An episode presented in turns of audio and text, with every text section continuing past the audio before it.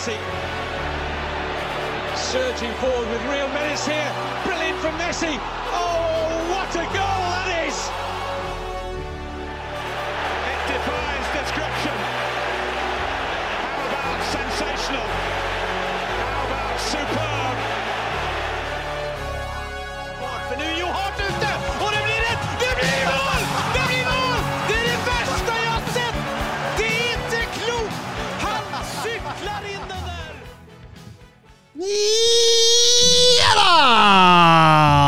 Velkommen til episode 142 av den særdeles omfangsrike fotballpodcasten 90 minutter. Eh, nok en gang i studio her på Slattum i Nittedal sammen med Søren Døpker og Mats Granvold. Hei, hei. Hallo. Hei. Hey, skjedd noe siden sist? Nei Du har fått en ku oppkalt etter Ja, det er jo kjempehyggelig. Kjempestas. Vi tror det i hvert fall. Vi venter på bekreftelsen, men hils på Døpker. Ja, det så jo sånn ut. Og så var jeg tagga i bildet, så jeg. Ja. Det var kjempekoselig. Ja, ja, ja, ja. Det, det Søren var litt sånn eh, jeg Tror du det, må ha vært positivt ment, eller? men, men det tror jeg helt sikkert, for eh, Geir Halvor Kleiva, vår kjære lytter, er jo en eh, ålreit fyr, etter hva vi kan skjønne. Um, vi, vi kan jo forresten ta det med en gang, Døpker, fordi uh, Geir Halvor her, han uh, lurer på hvem av oss tre som hadde vært best til å ta, ta imot en kalv. Ja, altså, Selv om kalven da er oppkalt etter meg, jeg tror ikke det hadde vært meg. Altså, Jeg er jo født og oppvokst i by. Jeg har nesten levd hele mitt liv. Jeg har levd i by. Jeg er ganske bygutt. Og jeg tror, eh, tror ikke jeg hadde vært sånn veldig godt skikka til akkurat den biten der. Samtidig, Mats, så er Døpker en kar som altså, Ja, gir, du han gir du han en manual på hvordan du tar imot en ku, Ja. så tror jeg han gjør det best allikevel, på en måte. Ja, det tror jeg. det tror jeg. Men, Ja. men, men, men han måtte lest den og pugga den Ja, ja, ja. Og, og hatt full kontroll. Gjerne hatt den med seg. Ja, det tror jeg jo. Ja. Ja. Sett et par YouTube-videoer, og du, du hadde forberedt deg skikkelig, i hvert fall. Det. Ja, det hadde jeg gjort. Eneste som er litt dumt, er hvis det ikke går sånn etter klokka, liksom. Hvis det begynner å drøye ut og sånn, for da- da blir han satt ut, ikke sant. Da blir han litt sånn stressa. Ja, sånt, han kan bli litt stressa, ting skjer ikke når det skal, og Nei, det Så det må, gå, det må være en fødsel som går etter planen, da, for å si det sånn. Du kjenner deg igjen, du. men men hvis, eh, hvis det- da, da, da står vi mellom meg og deg i så fall, da, om å ta imot den kalven. kalven. Hvem Altså, jeg har sett litt på The Ranch, da. Teller det? Mm, Ja, jeg har ikke gjort det. Så det, Det er, det er en humorserie da, med, Ja, ok, med. Ashton Kutcher og som går på Netflix. Den er artig. Anbefaler jeg den. altså. Ja, og, og, men du, du er litt sånn jaktmann, da, så du er jo vant til litt sånn å Å ta imot kuer. ja. Flyvende, flyvende sådan. Nei, men jeg tenkte mer på at du, du er vant til å Altså å ta i dyreblod og sånn. Ja, det hender jo. Ja, ja, ja.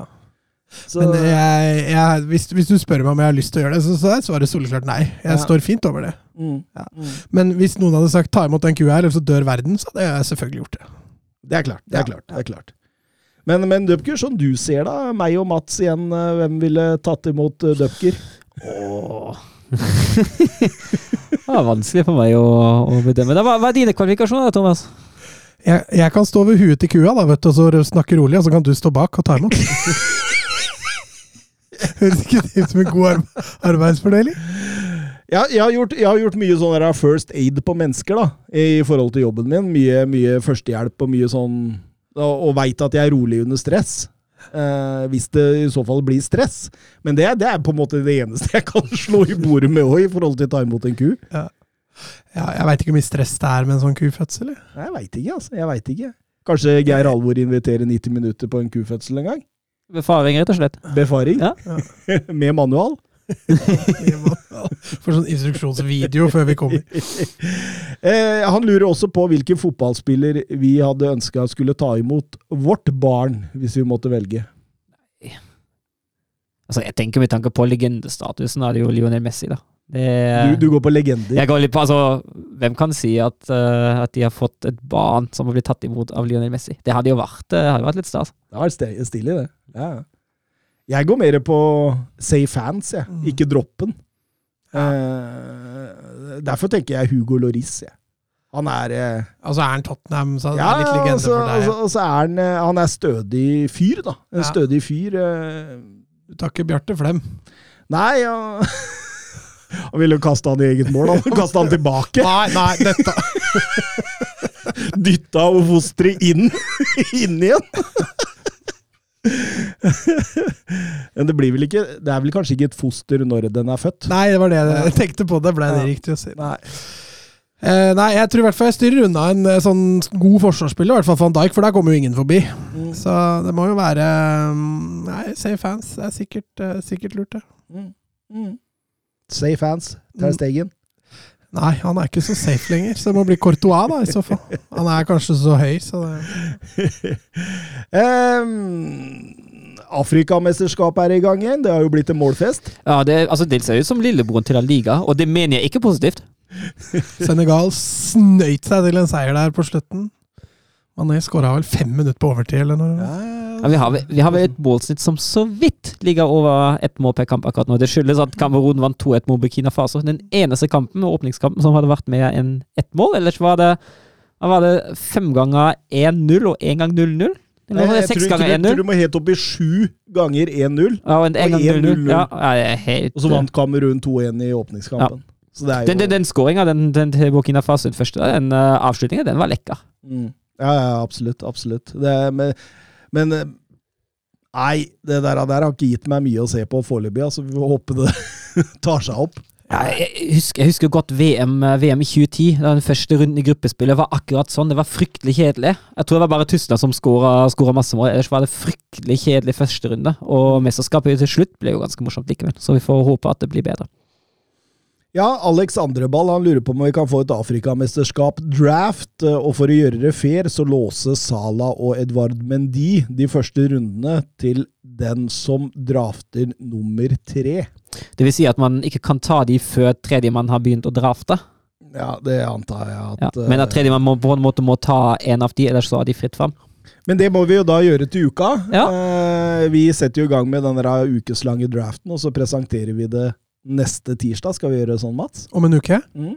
Ja, den får du se på Søren. Det er jo alltid han som sinker oss i de Ja, det, det, det, det er alltid du som bruker Nei, vet- døgn og to Jeg vet, på avgjørelsene jeg, jeg må tenke. Ja, ikke sant? Du har ikke noe manual til det, så du må tenke. Ja, ikke sant? Ja, men uh, nå er det på tide Nå, nå må du ha, vi må ha en sånn speed draft, for vi må presentere dette i neste episode. Ja. Det skal vi Vi, gjøre. vi kan jo ha to episoder på oss, da, siden finalen er om to uker, og tre uker. To og tre uker. Ja. ja. Men er det ikke greit å bli Ja. ferdig med? Jo, altså, er du, du bør jo ikke tenke i to døgn. Det har jeg aldri gjort. Ett døgn er maks. Et døgn er maks. Jeg tror du var oppe i halvannet her en gang. Ja, det kan tenkes, men da glemte jeg det litt. Nei, vi får se, vi får se. Men uh, i dag er det ingen Premier League. De spilte FA-cup, så da ruller vi vel rett til uh, La Liga, gjør vi ikke det, Mats? Jo, vi gjør det. Og La Liga-knappen skal vel være den? Eh, ja. Jeg, jeg vant til å gjøre dette i ja, det blir jo mye rart, dette. ja.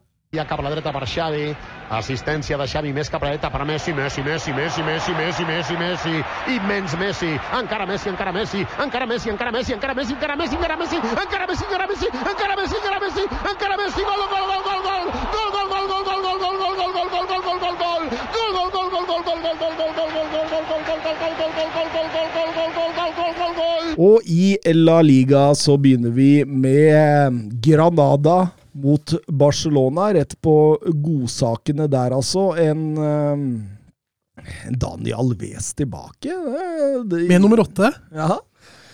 Ja, nei, altså Han hadde jo en, en fantastisk cupkamp i, i midtuka, så det, det lova jo bra. Eh, Jeg syns også han kommer godt fra det i den kampen her. Det er klart Når du ser hvem han skal ta over for, da, så er det jo ikke all verden å All verden å sammenligne med, men jeg syns han kommer greit fra det. Til at den opptreningsmåneden han har hatt i desember, har, har fungert bra. Mm. Og tross skader på Arajo og Frenkie de Jong, så jo denne elveren mye bedre ut enn sist eh, mot Ja. Mallorca. Det var noen flere spillere som var tilbake, særlig, på midtbanen. eh, Ved å si med Gavi Busquets og Nico tilbake, og så på topp Dembélé. Uh, fortsatt de Jong uh, fra start. Uh, jeg syns også han kommer greit fra det, når vi først er inne på det. Uh, Depay på benken og blir bytta inn seinere, men skadeproblematikken ser ut til å løse seg litt nå, for Barcelona i hvert fall. Ja, hjalp ikke at Erik Garcia dro på seg en ny skade, eller en ny dro på seg en skade, og Gavi dro på seg en suspensjon, så det løsner liksom aldri. Men Umtiti, han forlengte dere med. Ja, det var en baktanke der om å få registrert eh, eh, Ferran Torres. Så. Oskar Carveio Holm han spør på Twitter eh, hva tenker Mats om at man forlenger med en spiller man ikke har tro på, for å kunne registrere en annen. ja. En man har tro på, da, så vinninga går opp i spinninga her, hvis du skjønner hva jeg mener. Jo, men uansvarlig klubbdrift, var ikke det noe man skulle slutte med nå? Jo, men, men eh, det å Altså, Umtiti går jo mye ned i lønn. Eh, Så sånn sett så kan man jo kalle det også ansvarlig, at eh, Umtiti Men jeg tror også at det ligger en liten baktanke her, for dette kommer til å gjøre det langt lettere å leie han ut. Hvis det blir Nå så man jo begynt å leie ut eller Coutinho gått til Villa på utlån, og så vil jeg tippe kanskje Umtiti også forsvinner på et utlån eller blir solgt til sommeren. Og så lenge han da går på en lavere lønn, så er jo det en enklere prosess.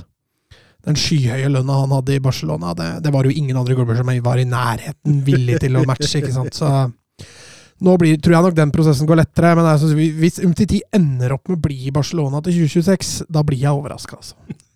Det hadde vært morsomt. Det hadde vært gøy. Hadde, jeg hadde ikke vært overraska i forhold til hvordan Barcelona har drevet. Jo, men, men når du da tjener average, da, og sitter bare på benken Da tenker jeg jo det at en, en oppegående fotballspiller som har lyst til å spille fotball, har jo ikke lyst til det. Da kan du heller tjene noe av det samme og så heller spille et annet sted. og så få Du spille. husker eh, Bogardi i Chelsea, eller? Jo, men han hadde jo en fantasilønn igjen, så da er vi på, da er vi på den biten, da.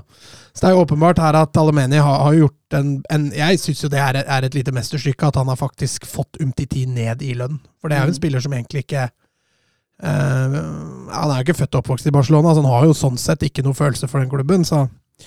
Og så var det viktig for å få registrert Ferran Torres. Da.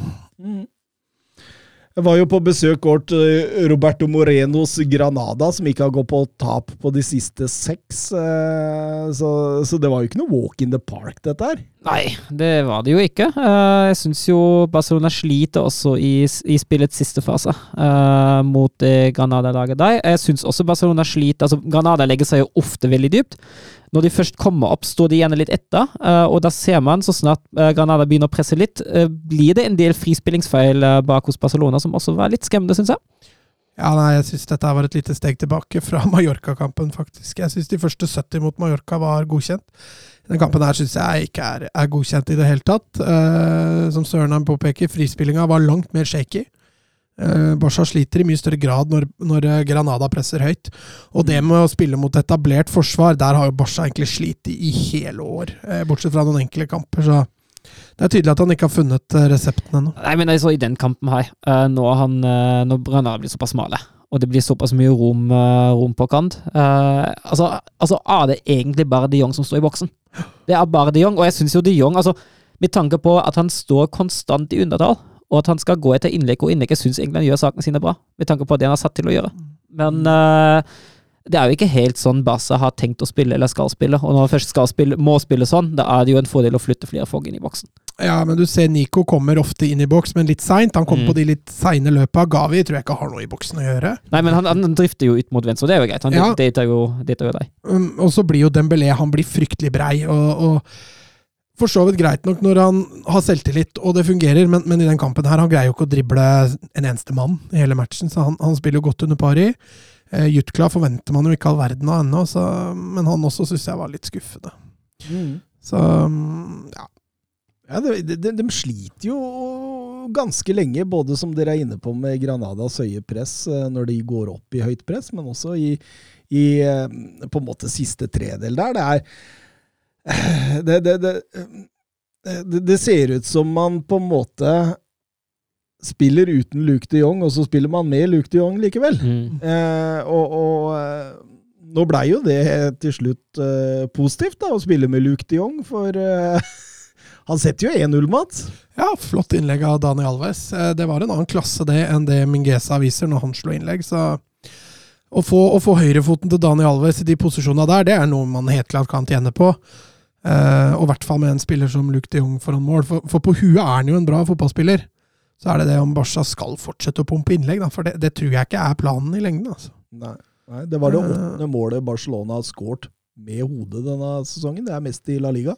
Ja, det er jo ikke så rart når du har Luke de Jong på topp med det. Nei, det er da. Ja, altså hvor mange, hvor mange ganger har ikke Koman lempet ballen i boks mot slutten av kampen når han blir desperat? Hvor mange ganger har han ikke gjort det? Ja, og så er det en del dødballmål der. Mm. Mm. Rojo har jo skåra et par på huet der. og Piquet har vel en på huet, så eh, det, det er jo noen dødballmål inni der også. Eh, men, men det mangler den kreativiteten, de riktige bevegelsene offensivt, til å kunne spille Tiki Taka-fotballen sin. da. Mm. Og, og det som jeg har vært innom før, altså de har ikke de, når Dembélé ikke funker, så har de ikke spillere som kan gå av en, en mann og skape overtall. Eh, og mot et lag da som ligger så lavt. altså Det er ikke lett altså, å spille ut et lag når du konstant er i undertall og ikke klarer å gå av folk. Nei, det er klart. det er klart. Men, men de får jo, har jo relativt god kontroll her, og, og det åpner seg store rommer på overganger. og Det bør, bør være mulig å gjøre 0-2 der, og så få Gavi sitt røde kort. Ja, og det er jo vært litt Gavi i et nøtteskall eh, denne sesongen. Ikke at han har fått mye røde kort, men han, han spiller ofte litt på grensa. Og, og her har Chavi en jobb å gjøre, altså fordi eh, Jeg tenkte det rett etter pause at nå, nå bør du plukke av Gavi, for nå er han hothead. altså. Eh, Men han lar det gå. Eh, Jeg tror det er litt blanding av det, fordi han har ikke lyst til å miste Gavi der, og det, det skjønner jeg jo, men konsekvensene blir jo fatale da, når, når Gavi først får det andre gule, veldig fortjent andre gule. Eh, Og Basha da må spille siste kvarter med en mann mindre, og det, det beherska de ikke bra. Nei, det er jo som, eh, som Thomas sier, god kontroll, men eh, den siste igjen, siste kvarter Nå er det jo som sagt med en og mindre, da, men eh, det er, det er noe med sluttfasen til Barcelona, altså. Ja, men du ser også de greier ikke å kontrollere kampen i det hele tatt etter den blir ti mann. De mister fullstendig kontroll på kampen. Eh, og i tillegg Garcia må, må ut. Lenglet er jo Altså, det er ikke noe Det er nødvendigvis ikke så mye ned fra Erik Garcia, men allikevel den Lenglet best, altså, han besitter ikke den tryggheten offensivt da med ball, som gjør at Mm. du kan spille deg ut når du er lavpresset, og det, det, det, hemmes, det hemmes Barcelona litt av. og ehm, ja, Du ser også at han prøver litt andre grep der etter hvert. Depay har jo riktignok allerede kommet inn, og så kommer Sans inn for å trygge dette her på slutten. og det Jeg spørs om jeg kanskje burde bytte inn en eh, Ricky Push eller noe sånt. Jeg tenker også det at det kunne vært, eh, vært et bedre, bedre valg. Eh, han er i hvert fall litt mer lik Gavi, da, med den intense spillestilen og, og, og forflytningsevnen. Ja. Um, så jeg syns, også stussa litt på akkurat det Sans-byttet. Men samtidig, da. ehm, det blir jo mye halvsjanser. Det, det, det blir mye, mye dødball. Og det er jo det som til slutt gjør at Barcelona også kun får med seg 1-1 hjem.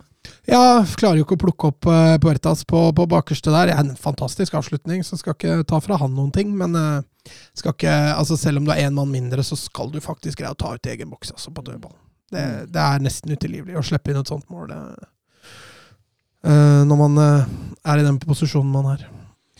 Og da blir det litt sånn oppjaga mot slutten, men det ender 1-1. Og det er kun Cádiz som har sluppet inn flere mål i La Liga fra 85 og ut enn Barcelona denne sesongen. Det er. Det er spinnvilt. Men det har vi jo snakka om, Mm. hvordan Barca sliter på slutten av kampene. Så eh, kan ligge fysisk i det, det kan ligge, ligge litt mental sperre der. Eh, så Men det, nå, nå, nå begynner det å bli mentalt, ikke sant? Nå blir, begynner det å bli psykologisk, dette Mm. her. Nå, nå kjenner man på det mot slutten, hvis man leder med bare ett mål. At å, nå har vi mista mye poeng. og det, det, det, er, det er ikke lett å stå imot den der. Den, den må snus. og um, ja, Han har litt jobb å gjøre, både strukturelt og, og mentalt. Og, og, og egentlig veldig mye av han, eh, Xavi. jeg ser jo fremgang eh, i mye av spillet til Barcelona. Men akkurat det siste kvarteret der, der, der må man jobbe beinhardt nå, og så må man forbedre det etablerte angrepet. Der har man en vei å gå. Da kan jo Ferran Torres være en av Ja, Der har du i hvert fall en spiller da, som kan gå av et pressledd, eh, gå av, en, gå av et press på egen hånd, eh, kan skape ubalanse. En presis, eh, presis pasningsfot og, og en god avslutter. Så man, man får inn en bra, bra alternativ der også. Granada har derimot sju La Liga-kamper på rad uten tap. De tangerer sin lengste rekke, som er fra 68-69-sesongen. Ja, det er sterkt. Samtidig som Granada er ubeseira mot Barcelona i de tre siste, Mats. Mm. Så det er eh, fint, det er fint. Alexandre Ball spør på eh, Twitter um, Hvis alle Det var ikke Alex- Alex Andreball, jeg tror det er jeg som har skrevet feil. Hvem var det som skrev det? Uh, eh, Det si det. Jo, det var um, Nå, nå Det er godt dere er inne på Twitter og finner ut av dette. Men jeg bare kom på at det kan jo ikke være han. Eh, Jørn Henland. Jørn Henland, selvfølgelig var det det. Godeste Jørn Henland, som spurte hvis alle Barcelona-spillere er skadefrie og i form, hvordan vi vil sette opp elveren. Ja, det er et veldig godt spørsmål, i hvert fall på enkelte plasser. Jo, men Vi kan begynne, da. Keeper, det er, blir jo Terstegen. Ja, definitivt. Eh, Venstrebekken også ganske klei. Det blir jo Alba. mm, Og egentlig er så høyrebekken ganske klei. Alves. Ja, tenker det. Altså, Dest er jo, er jo talent, da, men eh, jeg tenker at hvis Altså, Jeg tror Dest snart er ferdig. ja. Det ser ut som han kanskje går til Chelsea etter hvert òg. Ja, han, han har rykta mye ut også, i tillegg til at han, han har jo ikke vært i nærheten av å slå gjennom ennå. Uh, han er jo fortsatt ung, så man kan jo selvfølgelig vise tålmodighet, men eh, jeg, tror, jeg tror han stikker. Alve, nei, Alves eh, og Alba, jo. Eh, Piqué og Arajo Ja. stoppere. Ja, enn så lenge. Det er gammelt. Den, stopper, den forsvarsrekka der, den er ikke, er ikke mye talentfull, i hvert fall. Nei, det er mye rutine der. Det er, det er en Arrojo da, som drar det litt ned. Ja. Eh, derimot på midten kan vi jo finne noe Ja. ungt. Det kan vi jo. Da, da hadde jeg nesten gått for uh, de Jong som eh, dyptliggende, flankert av uh, Peri og Gavi. Om man, ikke skal Åh, flytte, om man ikke skal flytte Gavi opp til dunker. kant. Det går jo an, man kan jo flytte Gavi til kant og hvis man vil få Nico inn der. Men eh, Å, det er den treeren jeg har hatt lyst til å se lenge. Ja. Men er du enig, Mats? Du er jo en Busquets-fanboy. Mm. Nei, jeg skal ha en buskett. Du skal det, ja? Men nå er det det to mot én her. Da. Ja, ja, det får bare. Men, men bare han får litt tempo på rundt seg, vet du, så han, han eh, ikke må løpe opp alle disse lange ballene hele tida. Så kan du flankere Busquets med en, med en de Jong og en, en Gavi eller Pedri. Ja, men hvem Altså, åssen ville du satt opp treeren, da? Busquets, de Jong, Gavi eller Pedri? Pedri. Oi, oi, oi, oi, han vraker Gavi her. ah, nei, Han nei, Gavi, Gavi kan ikke vrakes. Nei, han kan ikke vrakes. Jeg er helt enig. Um, treeren på topp. Ja, den Midtspissen her er jo håpløs, da. Nei, det, må, det må jo bli nesten Depay, da. Det går ikke Nei, jeg tror faktisk jeg kjører Ferran Torres. Og så kjører jeg eh, Kjører jeg Ansu Fati selvfølgelig ut venstre, og så kjører jeg Dembélé ut høyre. Jeg kjører Torres ut høyre. Ellers Fati også, men uh, Depay i midten. Jeg har eh, Dembélé Torres Fati. Det var det jeg satte opp her. Nei, Depay syns jeg har vært Han har, det har gått én vei med Depay. Altså. Han starta, inn, starta bra, og så har det bare gått eh, Hvis han er i form, da. Det er Ja, ikke men- helt sikkert at han passer helt i Barcelona. Det er Ja, men litt- altså, Han er så svak i link-up-spillet. hvor ja, det er det, nettopp det jeg mener. altså Får han rettvendt seg, så kan det hende det skjer noe, men også der så ser du at han mangler selvtillit nå. så Da, da blir det stusslig, det bidraget han kommer med. Vi går over til eh, hovedkampen vår. Vi er Real Madrid mot Valencia. Real Madrid som leder ligaen med fem poeng på Sevilla, som har en hengekamp til gode. Eh, Valencia har eh, etter en god åpning havna omtrent der de hører hjemme, midt på tabellen. På de siste 26 har Real Madrid vunnet eh, 14. Åtte har endt uavgjort, og kun fire av dem har endt med Valencia-seier. Tilsvarende Sist sesong endte 2-0 etter mål i første omgang av Benzema og Tony Cross. Motsatt eh, denne sesongen endte 1-2 etter at Hugo Duro ga Valencia ledelsen godt ut i annen omgang, mens Venitius Vinicius og Benzema svarte med to raske rett før 90 var spilt. Og la vi merke til noe ved lagen? Ja, jeg kan jo starte med Real. Da var det én endring sammenlignet med 1-0-tapet mot Getafe forrige helg. Da var Vinicius tilbake, og Rodrigo var henvist til benken. Mm. Ja, Valencia mangla jo Carlos Soler, da, som, som kanskje det største hva skal vi si, drawbacket. Diakaby fikk sjansen ved av Alderete, som har vært, eh, vært strålende i år for, eh, for Valencia. Og så starta han jo overraskende nok da, med ganske offensivt eh, arsenal der, med, med Geders og, og Helde Costa på kantene og Maxi Gomez og Jonas Musa eh, lengst framme. Så jeg blei litt overraska når jeg så elveren til Valencia, at han skulle gå såpass eh, høyt ut.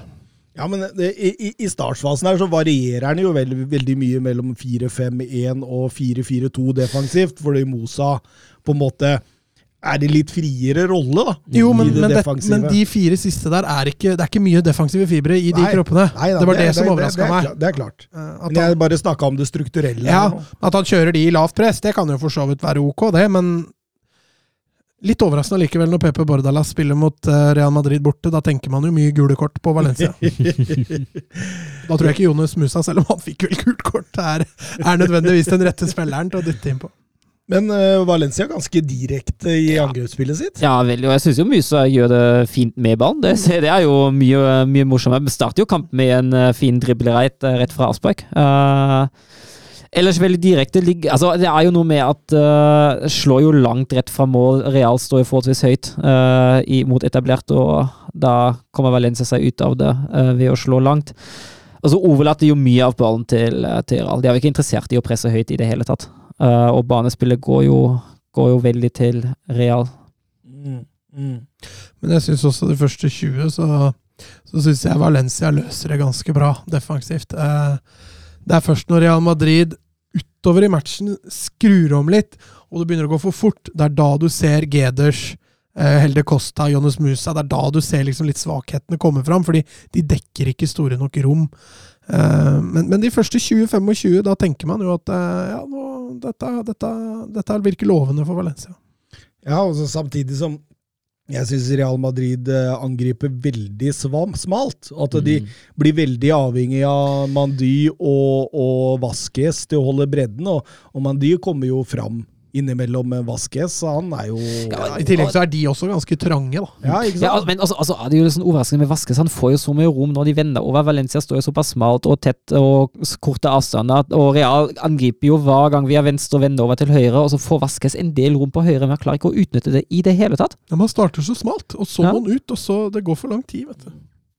Angelotti, litt spennende, kjørte en sånn hva kan du kalle det, typisk Zidane, hvor han egentlig lot eh, Tony Cross stå igjen litt, eh, mens Casemiro fikk mer mm. på en måte frihet framover i banen. eh, og Det var interessant å se. Og, og, og, men, det, men det måtte jo gå en sånn 30 minutter før de da skrudde opp, egentlig.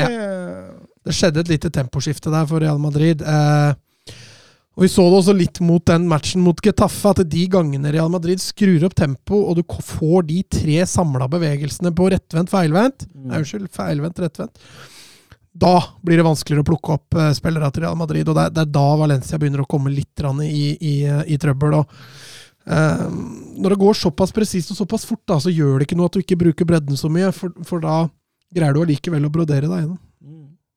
Og det gjorde de når Luka Modric hamra en skudd i tver, tverrleggeren der rett før eh, pause. Ja, og Det var et godt, eh, godt angrep og godt løp inn i rommet av eh, Modric. Igjen fra venstre til høyre, det vanlige angrepsmønsteret til, til Real, men da var Real nærme. Det kom uansett en serie med, med noen halvsjanser og avslutninger inn i boksen. og Jeg syns også tilstedeværelsen til Real i boksen de ble mye bedre utover, utover i kampen. Bevegelsene inn var mye bedre. Det var ikke så mye stillestående. Litt vintage-messig, den eh, Modric der. Mm. Drar seg inn med skuddfinte ned, ny skuddfinte ned, og så opp i, opp i.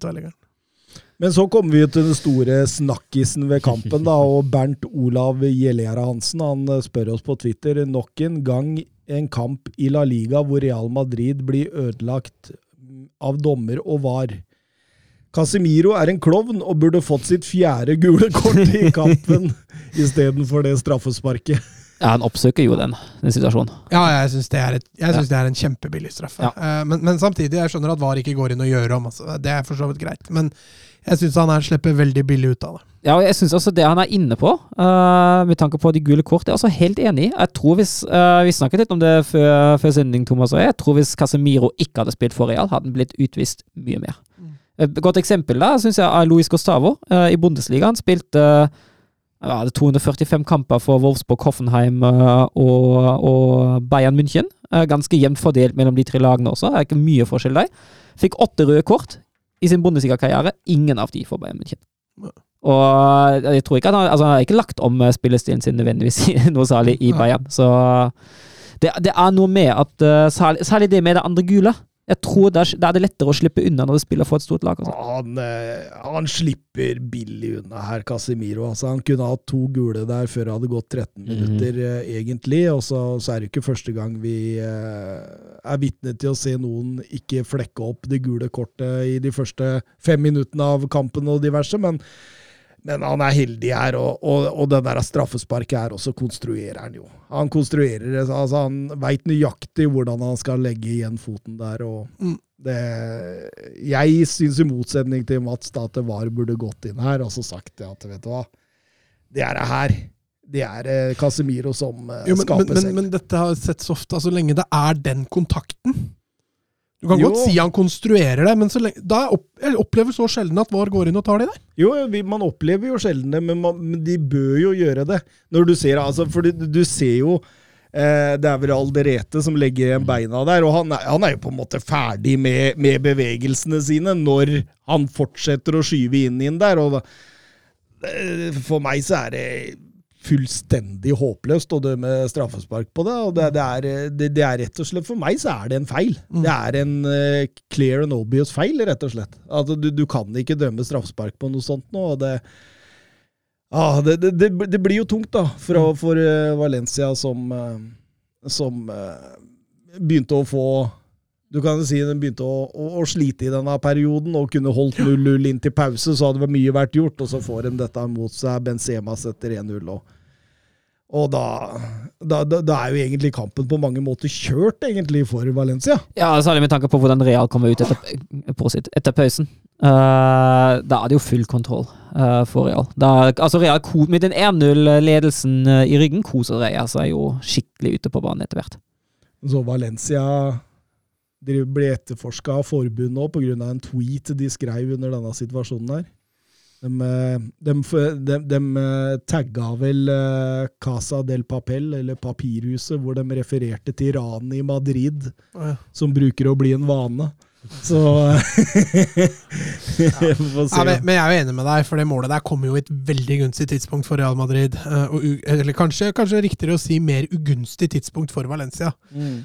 Uh, og det, det, blir en mental slag i trynet der. Så når du da går utpå i andre gang og faktisk må jage, da, så, så blir det en litt annen match igjen. Så, så det, det, var et veldig godt tidspunkt å score på for Real Madrid. og Enig med deg, Thomas, at det er jo en fryktelig billig straffe, og skulle kanskje aldri vært. Så, så litt bittert må det, det føles. Ja, fordi så, så skriver man annen omgang, og da er det jo Det er ja, det, kjør uten like, egentlig. Ja, ja så jeg syns jo Real, eh, Real, som jeg sa, kontrollerer fullstendig, og det er jo bare Real som skaper ting, egentlig, uh, fram, til, uh, til det står 3-0. Uh, jeg synes Real uh, altså det, er ikke et vedvarende press på Valencias forsvar, men det er så kontrollert, det er så rolig. Altså det, det, tålmodig angrepsspill. Uh, og Valencia har på en måte ikke noe de skulle sagt. Og, og særlig når de da må skyve høyere og gi Venitius tilbake om man etter hvert får. Det blir jo Ja, men den der Real Madrid, når de tar ledelsen i år, har vært bra generelt. De har vært gode til å lede i år. I motsetning til Barcelona? I motsetning til mange, mange andre, faktisk. Eh, så, så, er det Når Real Madrid først tar ledelsen, så er det lang vei tilbake. Så skal det sies at den goalen til Venitius der altså, det er jo et, Selv om det er litt flyt der også for Venitius, så er det jo fotball, så er det jo fotballmagi. Ja, herlig. Ja, det er litt, det er litt flyt der å gå på baksida av Diakaby. Jeg, jeg, trodde Diakaby skulle ha den, mm. og så bare Hva skjedde, liksom? Eh, det ble 2-0, og han gjør også 3-0, denne Venitius. Ja. For en tap-in der. Ja, for en tap-in. Og begge ganger Altså, Benzema er sist for den første, men andre innleder jo Benzema også. Ja, men Benzema og Venitius de ja. to er jo blitt et angrep. Og, og man, ser jo, altså, man ser jo forskjellen når de to spiller for Real. Når, to, når en av de to ikke er tilgjengelig. Mm. Det er en forskjell i Real. Ja, så jo Benzema sist mot Getafe var jo en skygge av seg ja. sjøl. Uh, Venitius tilbake igjen nå. Smakk, så var det et uh, komplett angrep igjen. Og da tenkte jeg, eh, nå er det spent å se om Bordalas vil begrense skadene, eller, eller gå ut igjen for å prøve å å gi Real Madrid kamp. Da han prøvde litt med dette trippelbyttet. Begynte å gå opp i en sånn 4-2-4 og skulle liksom virkelig prøve å komme inn i det, men uh, skjønte ganske fort at uh, her kommer vi til å få oss en trøkk hvis Hvis dette fortsetter. Ja. ja, for Real Madrid er jo ikke, er jo ikke flaue for å kontre heller, så hvis du gir dem for mye rom, så, så blir, de, blir, du straffa der også. I hvert fall med tempospillere, da, som Vinicius, som Søren sier, så blir det jo livsfarlig. Uh, og Bardalas er jo egentlig en type som slår deg som en Simione Light, så han kontrollerer heller et tap enn å, enn å tape stygt. Så han måtte kontre deg med et bytte. Etter eh, Asensios eh, store 4-0-sjanse, denne var nær, altså Gaia som blokkerer der, så mm. får jo eh, Valencia straffespark. Og det er udiskutabelt. Men der, da tenker jeg jo, altså det er jo ikke et ærlig forsøk på å ta ballen, og han fratar jo en gedigen målsjanse. Så her tenker jeg faktisk man kan diskutere rødt kort til Mendy. Det, det, det, kunne man fort ha gjort. Det, det var mine første tanker òg. Eh, fikk kun gult da han holdt igjen Marcos André der med vilje. og ja, Egedes setter tre igjen på straffesparket, eller returen til sin egen straffespark, for mm. Courtois var jo på. Han bommer. Um, men det var jo ingenting som tyda på om dette skulle bli spennende. tross. Nei, jo, Daniel Wass fikk jo et bra sjanse rett etter ja, det, det skuddet. ja. ja. Hadde den sniket seg innafor, da hadde det blitt fyr igjen. Men uh, er som du sier, når den gikk utafor, så ebber dette bare av, og så får jo Real Madrid altså, på slutten. Benzema sin 300. scoring i Real Madrid-drakta. Ja, det er stort. Det er ikke mange som har klart. Nei, det er faktisk uh, bare tre som har klart før den. Ronaldo Raúl. og Di Stefano. Ja, dere er så på ballen. Dere er så på spallen.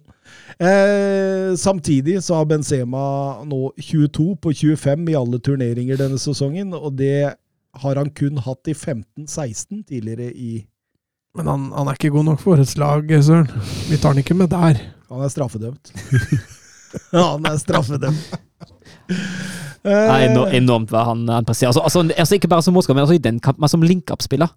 Det er eh, sterkt, det. eh, jo da, for all del, han er god, men han er straffedømt. Så vi, vi gidder ikke å regne med han var ikke på banens beste for meg. Han er, han er straffedømt. Eh, det avsluttes med et par eh, grisete taklinger der. Eh, Kamavinga mot Diakabi, den er jo nesten rødt. Altså. Ja, faktisk. Den var ikke pen. Nei, der viser mye knotter og kraft der, og, og Nei, den var, den var stygg. Giamon også, en på Ceballos. så Ingen av dem blir gult kort. Nei. Plutselig bare erasa han den baren, dommeren. For Ceballos kom jo inn og gjorde en god kamp. mm, han begynner å komme i form igjen. Han. Resultattipset gjør dermed at uh, vi får alle ett poeng hver. Ja. Uh, ingen tippa riktig resultat, som ble 4-1. Uh, banens beste. Vi kan begynne med Mats. Ja, eh, nå har ikke jeg notert det, da, så jeg får ta det på, ta det på husken. Men jeg gir, eh, jeg gir tre poeng til, eh, til Benzema, så gir jeg to poeng til Venitius, og så gir jeg ett poeng til Luka Modric. Jeg har akkurat de samme, faktisk. Eh, Benzema Det sto litt mellom Benzema på Venitius på treeren, men eh, Benzema altså, han har to mål, han har en assist, og han lager også store deler av mål nummer fire. Eh, for meg er soleklart banens beste. God i, god i link-up-spill, god som spiss. veldig god prestasjon. Venitius han er, jo, han er jo egentlig aldri helt å stoppe når han først kommer i gang for Valencias forsvar. Jeg syns også Modric gjør en veldig god kamp. Jeg har uh, Venitius på tre. Eh, Benzema på to og Han er straffedømt. straffedømt. og, og um, Altså, Mendy lå lenge til ett Mm. poeng for meg før det Mm. straffesparket. Uh, han røyk jo der, da, og da blei det Modric for meg også, så det var vel ikke noe stor revolusjonære valg utover det dere hadde det der. Eh, vi kan eh, snakke litt om Sevilla Getafe. Det, det kan bli litt, altså. Det, Fader, det er traurig sagt. det, det er fryktelig. Altså, Da var de ute og sa da, at vi, vi må ha spillere. mm. Så det er åpenbart at de også kan se seg sjøl i speilet, Sevilla også, for de, de veit jo at skoen trykker. Altså, et, etter å ha sett ti minutter av den kampen, så tenkte jeg Hvis Sevilla skåra, hadde det enten på dødball eller på et innlegg for Rafamia, som skåra. Og ja. Da fikk du rett, da, fordi Ja. det var eh, kampens eneste mål. Kom da Lucas Ocampos, som så mange ganger før denne sesongen eh, kjemper seg nedover kanten der og, og får lagt inn. Og det er en nydelig hælflikk da, Rafa Mir. ja, Ikke så nydelig av Soria. Nei, ikke så nydelig av Soria, det er jeg helt enig i. Han der? kløner! Han, han fomler, kan vi si det? Han fomler! Ballen sniker seg inn ved første stolpe der. Det blir en sånn markkryper med hæren fra Rafa Mir. Ballen går ikke spesielt fort heller, så han, han har jo tid til å men, men det virker som han fomler, rett og slett. Absolutt. Og, eh, en, og det var jo egentlig det angrepsmønsteret Sevilla hadde. Ut på høyre kant, slå en ball i boksen, og så håpe at noe skjer. Ja, og Getafe hadde jo nada. De hadde Mhm. noen kontringsmuligheter som ble avblåst offside, og det var vel omtrent det Ja, de- farligste de hadde. De havna på en XG på 0,11 i den kampen Ja, ja. der, og jeg tror Sevilla ligger på 0,59 eller noe sånt. Så Men det er ikke overraskende at det er Lucas Ocampo som står bak. Han har vært involvert i 11 mål på sine siste 14 i alle turneringer, og det er like mange som hans foregående 55 for eh, Sevilla, Mats. Ja. Ja, Argentiner i stor form. Ja, men han har vist oss at han er i form, og nå ser du han får spille mye mer også, så det er åpenbart at uh, fysikken hans er, er bedret. Men det er jo et Sevilla her som, Mangler mye. ja, og likevel kontrollerer inn. Ja, altså Getafe har jo vist seg å være litt sånn uh, punching bag i år for mange lag, og, og de er ingen match for, for et skadeskutt Sevilla heller, men, men Sevilla mangler såpass mange at uh, jeg skjønner at de trenger spillere nå i, i januar. Så får vi se hva de har råd til å kjøpe. Det var litt morsomt å se Florentino Louis da, på Getafe-midtbanen. Altså, han klarte jo ikke helt å slå igjennom i, i Benfica, gjorde det heller ikke på lån i, i Monaco. Så får vi se om han tar eh, det siste steget under Sanchez Flores. Det skal bli spennende å se. Um, Sevilla, 44 poeng på 20 serierunder. Aldri har de hatt like god uttelling etter 20 runder i sin historie. Eh, det er sterkt. Det, eh, det er sterkt, og det fleste er jo pga. 1-0-seieren. ja, fordi seks av de eh, 13 seirene de har, er 1-0, og det er ingen lag i Europas topp fem eh, ligaer som har flere 1-0-seire så langt denne sesongen. Allikevel så ligger de altså, ja, når de kamp mindre spilt, da, men de ligger fortsatt fem poeng bak. og Det, det er nok litt kjipt for Sevilla at Real Madrid også har starta bra. da. Mm. For det er jo må jo noen år tilbake for å finne sist et lag i La Liga starta så bra. Absolutt, absolutt. Eh, så var det en godbit til slutt. Via Real Atletico Madrid. Eh, Atletico med viktig seier mot Rayo Vallecano siste runde, etter hele fire strake tap i La Liga. Likevel eh, så lå Unai Emrys menn fire poeng bak Atletico Madrid der, og, og det ble en litt sånn sekspoengskamp om å prøve å på en måte holde seg oppe i topp fire her. Mm. Men og så ble den mye mer underholdende enn man skulle trodd. Faktisk. Det, det, det, var jo, var, det var jo gøy. det var jo Vi fikk jo en strålende fotballkamp Ja. mot Mm. Det blei det, og det er mye takket være et Villarreal-lag som klinka til fra start. Eh, Atletico, riktignok, den første goalen der er jo, er jo en underholdning i seg sjøl. Eh, forferdelig balltap fra Parjo, og, og Angel Gorea oppfatter at eh, keeper står langt ute. Og eh, smelleren i mål fra midtbanen. Eh, 49,9 meter. mm, Sterkt, altså. Men uh, som du er inne på, Mats, fullstendig mot spillets gang. ja, ja, ja. Jeg syns vi er, er knallgod, spesielt i det høye presset. Atletico Madrid får ikke puste i det hele tatt. Vet du hva eh, XG-en på målet til Angel Correja var? Det kan ikke ha vært mye. Cirka, det, kan, det var mindre enn det Getafe skapte, og det, skal, altså, det sier sitt. 0,0116. Ja. Altså, vil ikke det si det samme som at hvis du gjør det En av hundre ganger. en av hundre En av ganger, hundre så, ganger. så, så skal det gå? Men der kan de jo ikke ta hensyn til at keeperen står langt ute. Jo, jeg tror, de, altså, Jo, jeg tror tar XG tar hensyn til, til posisjoneringa til motspilleren da. For det er jo mange spillere som ville skåret derfra. ja, men det er ikke mange som ville prøvd. Når keeperen er langt ute, så. Ja, jeg tror ikke det er så altså, Ja, men da ville altså, Keepere står jo alltid langt ute, så da ville Ja. vi jo hatt sånne mål hele tida. Jo, Mm. men ikke når du er under press og på vei framover. Han er jo helt upressa. Han er orientert. Keeper står langt ute. Jeg tror mange ville prøvd akkurat det samme som Correja der. Jeg tror det. Du, du, du ser jo disse forsøka Ja. en gang iblant, men de går jo som regel eh, over eller utafor, eller, Mm. eller noe sånt. noe. Men, men du ser jo ikke disse forsøka hver serierunde. Nei, det, det er også derfor jeg ikke har lyst til å kritisere Rulli for å stå, stå langt ute, fordi det er jo der han må stå som keeper. Det er ikke han som, altså kan jo ikke forutse at Parejo mister ballen, men han står jo helt riktig plassert med tanke på spillets, spillfasen, da.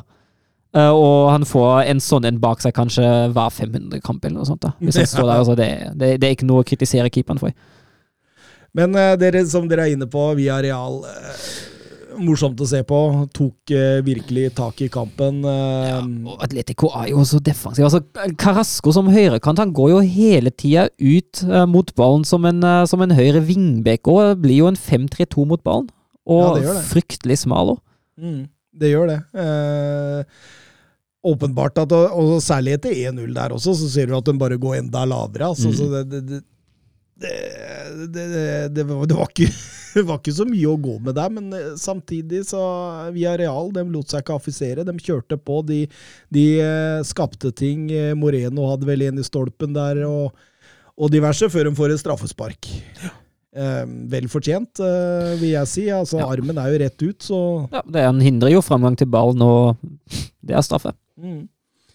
Eh, Oblak redder eh, Gerard Moreno sitt, sitt forsøk der, og, og Parejo eh, henshofter Ja. ballen i mål. Ja, da, Uten VAR så hadde den aldri blitt oppdaga.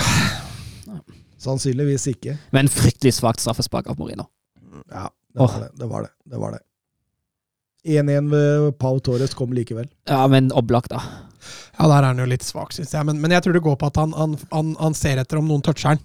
Jo. Han rekker ikke å reagere skikkelig eh, når ingen toucher han. Og da blir det bare at han, han lomper ballen ut igjen i et livsfarlig område. Og der er uh, Torres raskere i oppfattelsen enn uh, Filipe, og får satt eh, 1-1 der. Og, og da, da, altså på dette tidspunktet her, da Strålende fotballkamp. altså Mål fra midtbanen, straffespark, bommestraffespark. Vi, hadde, vi hadde alt, eller? rett og slett? Ja, så kan man jo si altså, at altså, Atletico er jo defensive, men så snart Villarreal gjør en feil i frispillinga, så er Atletico farlig og på hygge akkurat der. Altså. Det var noen farlige overganger. Da Cunha kom jo en gang alene med keeper, blant annet. Og så ser vi Areal liksom, inn, inn sentralt, ut på kant, fylle boks. Inn sentralt, ut på kant, fylle boks. Så, så, sånn gikk det jo hele tida. Liksom, og, og, og tempo i det, og duellspill og duellkraft. Og, nei, Og, ve og. Altså. veldig dyktig til å flytte opp mange spillere òg. Jeg syns det er fint, fint å se at de faktisk eh, tar offensiv Altså, de tar jo en risiko, uh, men fint å se. Etienne Kapo der. Sånn. Deilig balansespiller på midten av det.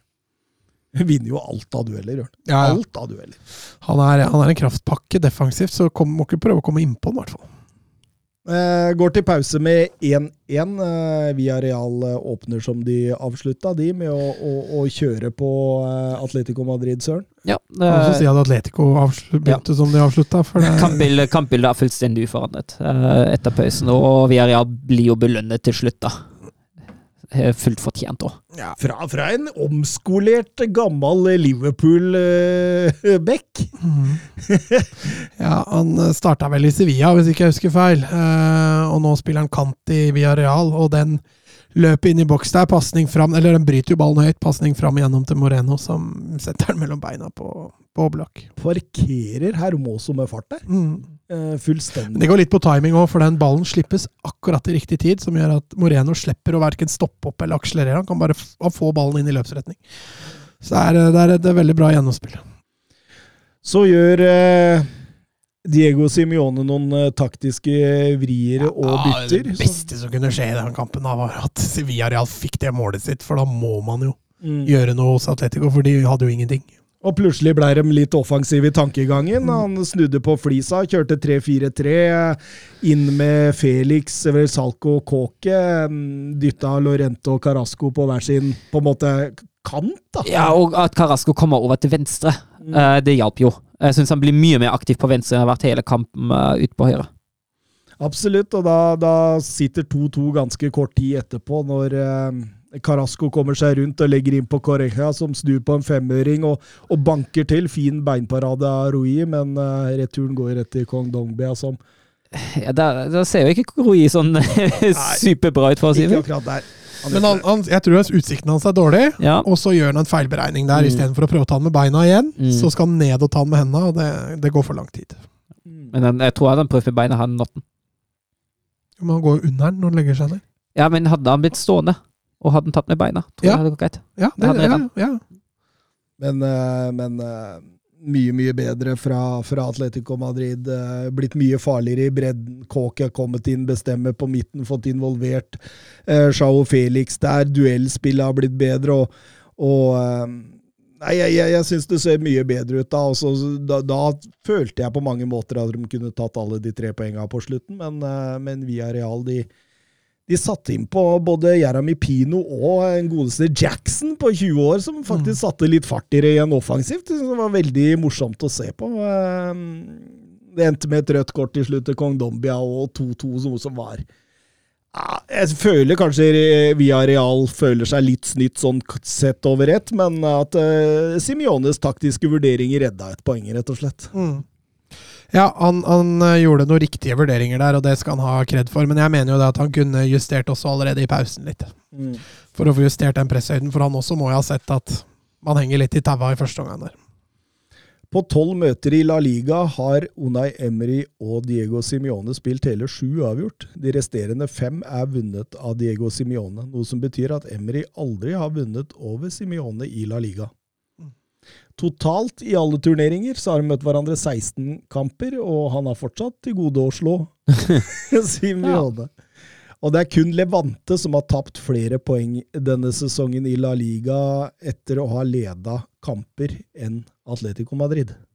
Så eh, det er litt spesielt når man kjenner eh, Simione og historien hans. Skal vi gå over til Bundesliga? Ja. Er macht ein richtig gutes Spiel. Jan Schimonek. Die Wolfsburger lassen so gut wie nichts zu. Grafit. Grafit gegen Lell. Jetzt wird's eine Demütigung. Guckt euch das an. Bist du verrückt? Bist du verrückt?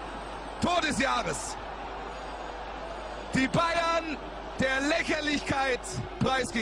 For på fredag kveld så var det jo godbiten Bayern München eh, Borussia München Gladbach og en Bayern München-lag med en haug av eh, skader og koronasituasjoner. Ja, da var det mye fravei. Uh, det, altså Ni av de uh, Åtte, kanskje, av de elleve som starta, kunne ha, kunne ha starta en uh, kamp også uten fravei. Uh, så Råka er jo ikke helt, eh, ikke helt god nok sentralt. Uh, Ulreich, reservekeeperen, uh, står for Noia.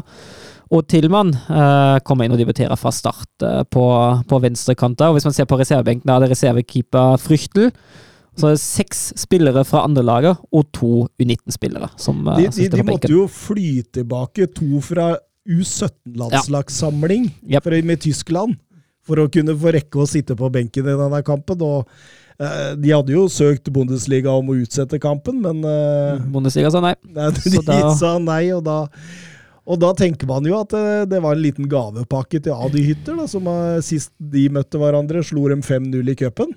Men eh, den største gavepakken, det var vel å sette Sabitzer på, ja, det, på, venstre, på venstre bekk. det fungerte. Altså, Kimmich og Sabitzer må jo ta hver sin bekk. Det har jo konsekvenser etter hvert for det defensive, men det har også litt konsekvenser for det offensive. Han, eh, jeg syns jo uh, Nagelsmann løser det bra. Uh, Sabitzer han er jo ikke en Davis, så han flyttes inn sentralt.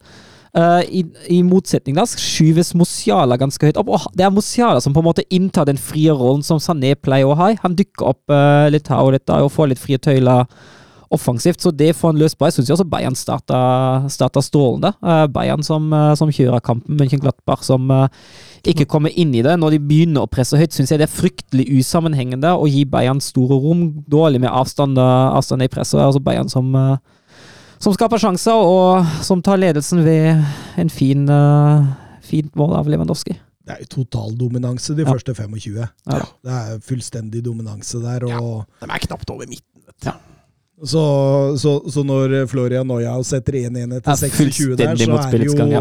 totalt mot spillets gang, men uh, men uh, fint mål fint mål av Neuhaus. Fint mål, fin skåring. av Sabitsa som, uh, som vi var inne på, som ikke helt jeg henger med når innlegget slås. Og så syns jeg både med den skåringa og, og 1-2-4 minutter seinere etter corner Bayern er svake til å forsvare egen boks, altså. Uh, Sule Pavai, den, uh, den kombinasjonen der, som midtstopper, det, det ser ikke helt Bayern-klasse ut, altså. Nei, absolutt ikke. Absolutt ikke. Og jeg syns de sleit litt i, i altså, Etter hvert så fikk jo faktisk München Gladbach god kontroll på det der. Mm. Altså, øh, og, og- og jeg satt og tenkte på også De har en Tyram, en Plea, en Herman på benken hvor de kan kontre med. Mm. Og hvis, hvis disse aroma begynte å åpne seg opp og bli større og større, så ville de jo kunne kunne mm, bli altså, og, så, så, og så tenkte jeg på én ting som jeg ikke tenkte på flere ganger under kampen der. Fordi altså, du har jo veldig begrensa eh, hva kan du si, muligheter å gjøre noe fra benken. Ja. da. Det har det. Men hvorfor han ikke bytta til en treer bak og fikk Sabitzer på midten og, og Musiala ut venstre, det, det, Det jeg, jeg jeg forstår ikke Nei. den dag i dag. Nei, det bør han ha gjort. han ikke bare gjorde det? Nei, for ikke Mikk kan fint spille en, eh, en midtstopper. Det har vi ikke noe problem. Ja, ja, ja, det er ingen problem. Så, så, så det, for det, han- Tilman han falt jo Ja, han, fullstendig han, falt, han falt gjennom. Han falt fryktelig gjennom. Uh, han var den svakeste spilleren på banen, syns jeg, med god margin. Uh, Råka var ikke så mye bedre heller, da, for all del, men eh, Sabitzer var ikke bra. Nei, nei, nei, for all del. Fader, han, Han, han han har fått en kranglende start på, på Ja, han har det. sin, altså. Han har det. Altså, jeg, jeg, greit nok, jeg skal ikke bedømme han etter en kamp på venstre bekken, men uh, han slo bort mye baller han, Mm, utover ja. i matchen. Han ja, var et vandrende balltapp. Ja, så og så sliter jo etter 2-1, syns jo Bayern sliter fryktelig med å komme seg inn i, i siste tredjedel. Uh, da stenger Glattberg av rom, og det fortsetter jo litt i andre omgang. Jeg tenker jo altså, Du har jo noen avslutninger. Lewandowski har vel to i stolpen, men altså hvis man ser på XG-en, da, så er ikke dette noen kjempesjanser. Uh, det som gjør det bra, at Bayern har gode avslutninger. og altså de sjansene Bayern har, det er jo nesten Lewandowski som skaper de på egen hånd. Mm. Som bare har god avslutningsevne og finner finne, finner rom å avslutte i. Men det er ikke, det er ikke sånn at Bayern, eh, Bayern har sjansebonanza inn i boksen til Mönchenglattberg. På XG-en vinner faktisk Glattbar, det har knepent. Ja, jeg, jeg, jeg satt og tenkte også at eh, Altså, det blei jo mye slurv utover i Mhm. Borussia München-Gladbach-laget òg. Ja, fordi de kontringene som du er inne på, Ja, ja, de var skuffende dårlige. Ja, ikke sant? Fordi altså, man må treffe på den der første og andre der, hvor de aldri De traff jo aldri på dem. Og, og fikk jo ikke satt opp noen særlig overganger mot det i det hele tatt. og det, altså De er jo heldige her at de møter et Bayern München-lag som er i den forfatninga som de er i. Og det- er nå grunnen til at de tok tre poeng. Jeg skjønner det, og jeg, jeg, jeg kan bare forestille meg Eh, stort gjort av Nagelsmann som står etter kampen der og tar det som en mann og sier sånn er situasjonen. Så Da må vi bare akseptere det. Det er mange trenere der som tror jeg hadde gått Ja, han, så, full frontal Ja, angrep. det, tror, altså, det eneste han gjorde, var da han, eh, han ble vel spurt uh, hva han mente om, uh, om han ble, han ble spurt et eller annet om kampen, og da forsvarte laget. Og sa vi var jo ikke det dårligste laget hvis du har fulgt med på den kampen. Og det skjønner jeg jo. Altså, jeg syns ikke, altså, ikke den Bayern 11 med tanke på hvordan den har spilt, har gjort seg bort. Og jeg syns jo sett under ett hadde vært fortjent med en poengdeling her, hvis du ser på, hvis du ser på kampen i sin helhet. Ehm, men det er litt sånn situasjon der. Det kan jo nevnes at eh, Paul Vanna han uh, kom inn. Han er 16 år og 15 dager gammel, og han er da Bayerns yngste og Bundesligas nest yngste spiller gjennom tidene. Mokoko var vel 16 år og én dag, eller noe Mm, ja. Den blir tung å slå. Den blir Ja. slitsom å Ja, særlig fordi du ikke har lov å spille i Bundesliga før, de er 16. Men de satte jo inn en Lucas Cobado, uh, Copado. Copado Ja, som er er, 17 eh, er, er, er nevøen til Brasso? Nei, Ja. er han det? Ja. ja ok. Ja. Så det, det, det var litt interessant at Brasso satt der på benken og så nevøen sin ja, det er kult. Ja. bli flytta inn. Ja, det, Ja, det er jo det er jo sånn, det som beina, Altså, hvis du ser på benken, det var ikke så mye å, ikke så mye å ta. å, hente. Så dere den lille detaljen med Mosiala strakt i andre omgang? ja, det Ja. var Tolisso. Det er to liksom som sto som navn. Men åssen er det mulig når du har Altså, du har 42 som er draktnummeret ditt, Mm.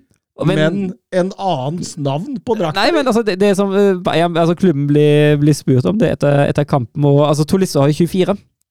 Og de antar at det har bare blitt en omdreining av, avtalen. Det er ikke en eller annen feil, men Men, men, men spilte han med den i hele kampen? Nei, men han skifta drakt i, i andre omgang, Ja, altså i pausen, og da, da fikk han da Tolisso, Tolisso på ryggen.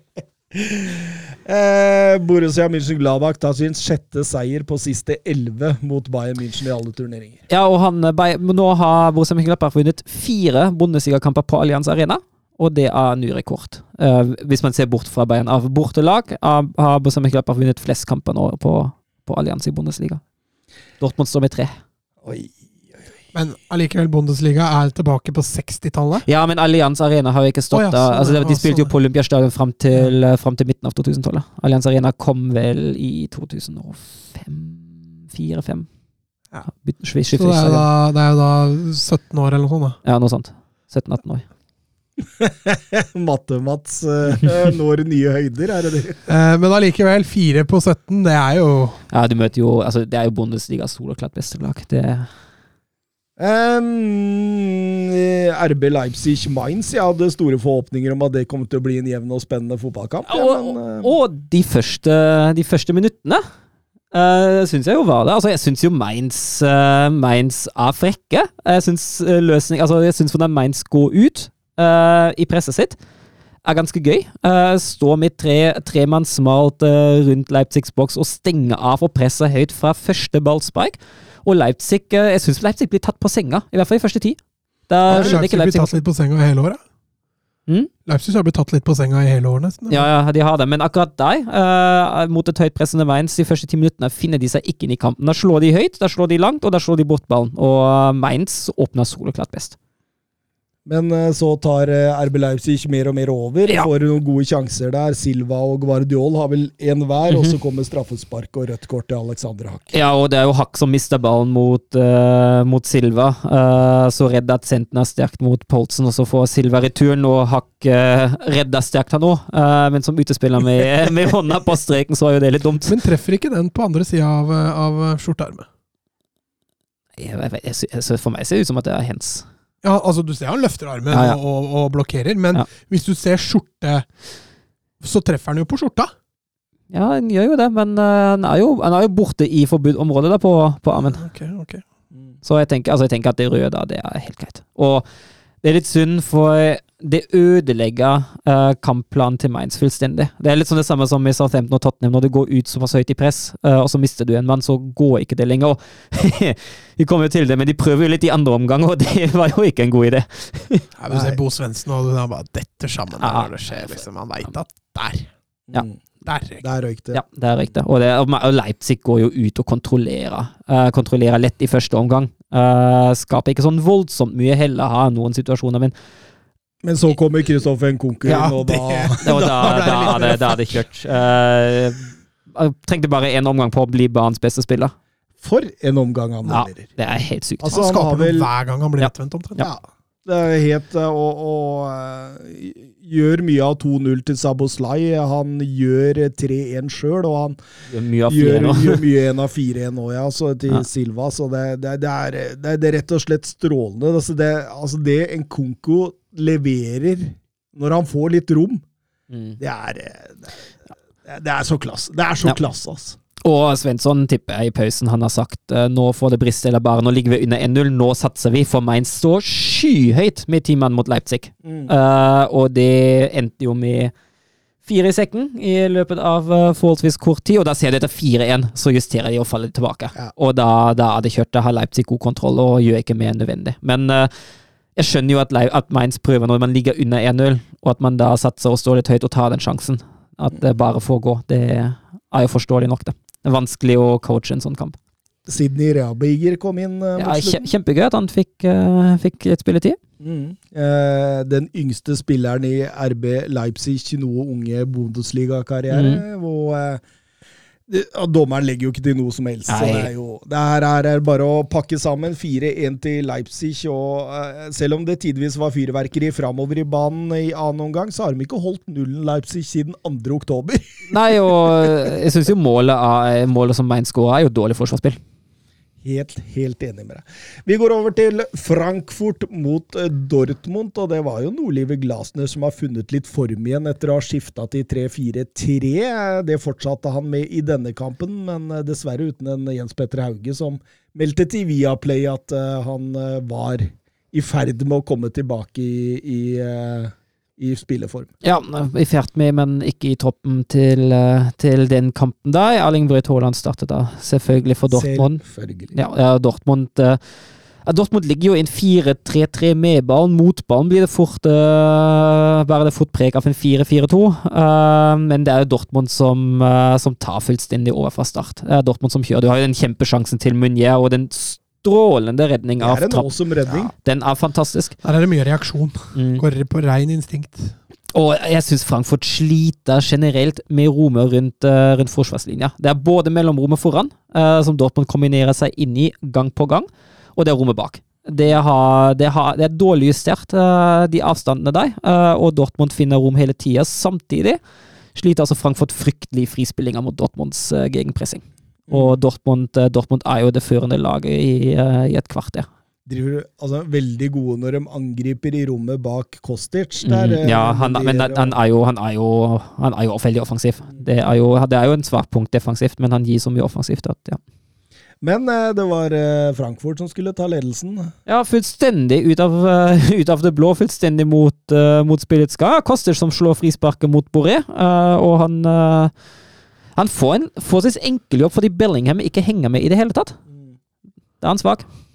Absolutt. Og, og, og um, du kan på mange måter si at skåringer gjør kamper, fordi etter der så er jo Frankfurt det klart beste laget. Ja, Dortmund- Det skjer et eller annet med Dortmund. Dortmund ser rysta ut. uh, og, det, og det gjelder også alle spillets faser. Det gjelder frispillinga. Plutselig fungerer Frankfurts press mye bedre. Dortmund begynner å bli shaky med ballen bakfra. Uh, det gjelder også presset. Uh, Frankfurt har funnet ut at uh, gegenpresset til Dortmund kan omgås ved å stå bredt og høyt med noen spillere, eh, og finne alternativer av Eh, og nå er det Dortmund skaper jo ingenting, og Frankfurt er farlige eh, en god del ganger. Ja, mye stygge balltap og. Ja, Ja. mye brudd. Ja. Veldig mye brudd. Og Boré gjør jo 2-0 rett etterpå også, etter at eh, Muniers uh, feilpassing der også. Ja, den er, den er stygg. Eh, og Borré da, han har skåret fire mål på de siste fem i Bundesliga. Han har et aldri så lite gjennombrudd. Vi har Ja. jo ledd av han litt tidligere og sagt at han ser like målfarlig ut som et pokerbord, men han, Ja, Han kommer nå, den colombianeren. Ja, han har kommet seg nå. Eh, Endikan han er 3-0 òg der, med Ja, stolpe- ja. ja. Og da, da, da, da er det da, da, da henger ikke Dortmund med, Nei. altså. Nei, det er fryktelig. Etter, etter første kvarter etter 1-0 er det en fryktelig svak omgang av Dortmund. Mm. Og egentlig alle vet. Uh, Haaland er jo helt usynlig. Eh, og Ja, Malen er svak, Malen er fryktelig Royce blir plutselig ja, anonym. og Jeg syns Bellingham ofte er feilplassert. Og, nei, da, da er det mye som ikke glir, altså. Men tidvis så tror jeg Dortmund vil være det Bundesliga-laget eh, som er svakest i offensiv markering Ja. og returløp. Og, det- og det, det, er, og, fullstendig og, og jeg, jeg, jeg syns det er så rart med tanke på hvilken trener de har. Ja. Det er jo litt sånn det, altså vi har jo, Hvor mange ganger har vi sagt at uh, Roses gegenpress fungerer ikke? Vi, vi kritiserte den i starten av sesongen for sin hva var det, 4-1 eller 4-4-2 med diamant. At ikke den funka, funka offensive markeringa i det hele tatt. Brukte lang tid før en gikk bort fra den. Uh, og så går han nå med 4-3-3. Men altså Frankfurt, altså jeg syns jo Frankfurt finner ganske enkelt veier til å, til å komme seg ut av presset. Ja, det, når, når de løper tilbake, så ser Ja. de jo som ti frittgående høner fra Ja. Nordahl gård, liksom. Det er, det, det, det, totalt ut Altså, det er ingen som går på ball. Alle løper bare ustrukturert tilbake i alles retninger, og Og så, og så tror jeg så Dortmund er det laget som har størst sprik innad i kampene. Fra topp, eh, toppnivå Ja, innad i kampene til bunnivå innad i kampene. Det er helt enormt. Altså, vi ser det jo også i andre omgang. Ja, men de blir også veldig påvirka av mål, virker det som. Mm. Dortmund. Eh, Jeg tror et av de lagene som får seg en på trynet, så, så tror jeg de går veldig langt ned i kjelleren. altså. Ja, for de har, jo, de har jo bare flaks at ikke Lindstrøm gjør 3-0 Mm. Ja. Den luka, den luka han slår først. Ja, den er nydelig. Det på fin. Hummels. Ja, er ja. ja. Og jeg, jeg syns jo, jeg jo fram til eh, Nei, Emre Can. Emre Can. fram til byttet, fram til altså, kommer for Brandt og Rosa omstrukturerer litt, er jo Frankfurt fortsatt best. I andre omgang det fortsetter jo litt som, litt som i første. Men så kommer Azar for Brandt, og han går over til en 4-2-3-1. Han setter Royce sentralt bak Haaland. Uh, og det syns jeg ser litt bedre ut. Han flytter flere av de sentrale høyre opp. Eh, kantene kommer seg litt bedre inn uh, med Hazard. Uh, jeg syns løpene begynner å se bedre ut. Og samtidig blir Frankfurt fryktelig defensive og passive. Ja, de, de, de, de, preges veldig av 2-1-skåringen Ja. til Hazard. Gjør Det, det. gjør de, og da, da blir de veldig eh, Altså, da prioriterer en balanse, sender ikke like mange oppover, og da gir du ikke disse hønsa, da. Om vi kan få si det sånn. Vi, du gir ikke de like mye utfordringer. Nei, fordi jeg tror hvis de hadde satsa, kunne de fått ha skåra tre nå. Ja, det er helt klart, helt klart. Men det blei litt uh, shaky der, og da får de betale for det, Mats, fordi Bellingham han setter 2-2. Ja. Han, uh han bringer balanse i regnskapet der når han tre minutter før slutt uh, utligner for, for Dortmund, men det er allikevel tre toskåringer som kommer rett etterpå, som er av det vakre slaget. Ja, det er hot, ja. Den var, den var nydelig. Herlig, herlig tøff på ballen. Måten han drar seg først inn der, og så har han et par pasningsalternativer. Velger der å skyte, som, som kanskje overrasker også keeperen lite grann. Hadde han bomma der, så hadde han vel fått såra flagga, tenker jeg. Ja. Eh, Men når han treffer, så blir han jo superhelt, da. Og da har de snudd eh, tap til seier på to minutter, og det holder inn, selv om det var skikkelig fyring mot slutten. Ja. Eh, Haaland mot, uh, mot Hinteregger i flere anledninger. OJ Haaland spør oss på Twitter. Hinteregger og Haaland virket som gode kompiser. Ja, jeg tror, jeg tror litt, sånn, litt sånn som de, som de to er på banen. Altså Hinteregger er nok, eh, han er nok litt eh, het i teten, og det er Haaland òg. Så hvis to sånne typer møter sammen, uh, braker sammen i en, eh, i en tett og jevn kamp, eh, med den dramatikken mot slutten, der blir det fort litt het, altså. Starta jo når Haaland skulle ta, hente ballen etter scoring. Og Hinteregger bestemmer seg for at nei, ja, men Jeg tror du ser Hinteregger bli forbanna, for Haaland Ja. sparker ballen rett foran beina på han der. Ja. Og da tipper det litt over for Hinteregger, og da går en kule svart. Ja, og jeg, jeg tror Haaland skal være glad for at Chandler kom mot slutten og dra han vekk fra det hjørneflaggsituasjonen, for da har han gult allerede. Bellingham var forbanna òg. Ja, ja, ja. Å, fy! Jeg legger sjelden jeg har sett en sånn. Ja. Og det var altså Både Glasene og Rose var, var enig i det punktet etter kampen. Ja, heldigvis ble det ingen utvisning i det minste. og ingen lag har eh, Og ingen andre lag har eh, Dortmund vunnet mer mot i Bundesligaen enn Frankfurt. 47 i sin historie, men dette var den første seieren på bortebane på de siste åtte. Ja. Så, eh, så det, det, det er flott. Og så skal vi over til uh, ukas høydepunkt. eh, Bochum mot Å, fy. Wolfsburg. Vet du hva, Nå har Sevilla og Spania fått så mye tyd, men den, den matchen der Å, fy Altså, fader! jeg, jeg, har- jeg, lyst til å, jeg har lyst til å sitere Florian Kofeld, som han sa i vinterpausen. Etter vinteren kommer vi til å se en helt annen VFL Wolfsburg. Og han har jo rett, for vi skapte en XG på 0,4 i den kampen, og så lite har vi da ikke skapt på år og dag. Så det var jo litt annerledes. Det var ikke bedre, det var enda verre enn før. Å, fy fader, det der var Altså, Bochum var jo søppel, det òg. Altså, det, Ja, altså, det, det, det er jo to lag som, som kjemper mot nedrykk. Ja, altså, Men- det er jo to lag som Altså, Wolfsburg hadde ingenting defensivt som var Det var bare det at Bochum var ikke gode nok Ja, til, å, ja. til å Ja, helt noe. enig. Og, og omvendt! Ja. Wolfsburg hadde Altså, jo ikke noen noe plan offensivt. Nei, hva, hva er planen til Wolfsburg? Det er akkurat det. Hva, hva er planen? Altså, og så har du Philip og Waldschmidt løpende rundt bak Wechos, som bare slår bort feilpasser. Jeg tror, jeg tror ikke Waldschmidt traff på en eneste passing og skulle spille ballen framover i banen. Det er helt sykt. Det er helt katastrofe. Jeg har ikke sett en sånn prestasjon på, siden, siden Luke Rogers spilte for LSK. Men du ser altså Baku Oh. Så fort han fikk ballen rundt seg Han skøyt hver gang! Ja, det er helt sykt. Han fikk så Og Jannik Gerhard, som ikke aner hva han skal gjøre med ballen, sånn at han kommer nær 16-meteren. Og den derre Brooks Rosselló-greien der ned. Rosselló kødder det til, og så skal Brooks klare Så skyter han ballen rett i hånda på Rosselló! Det var det humorshowet.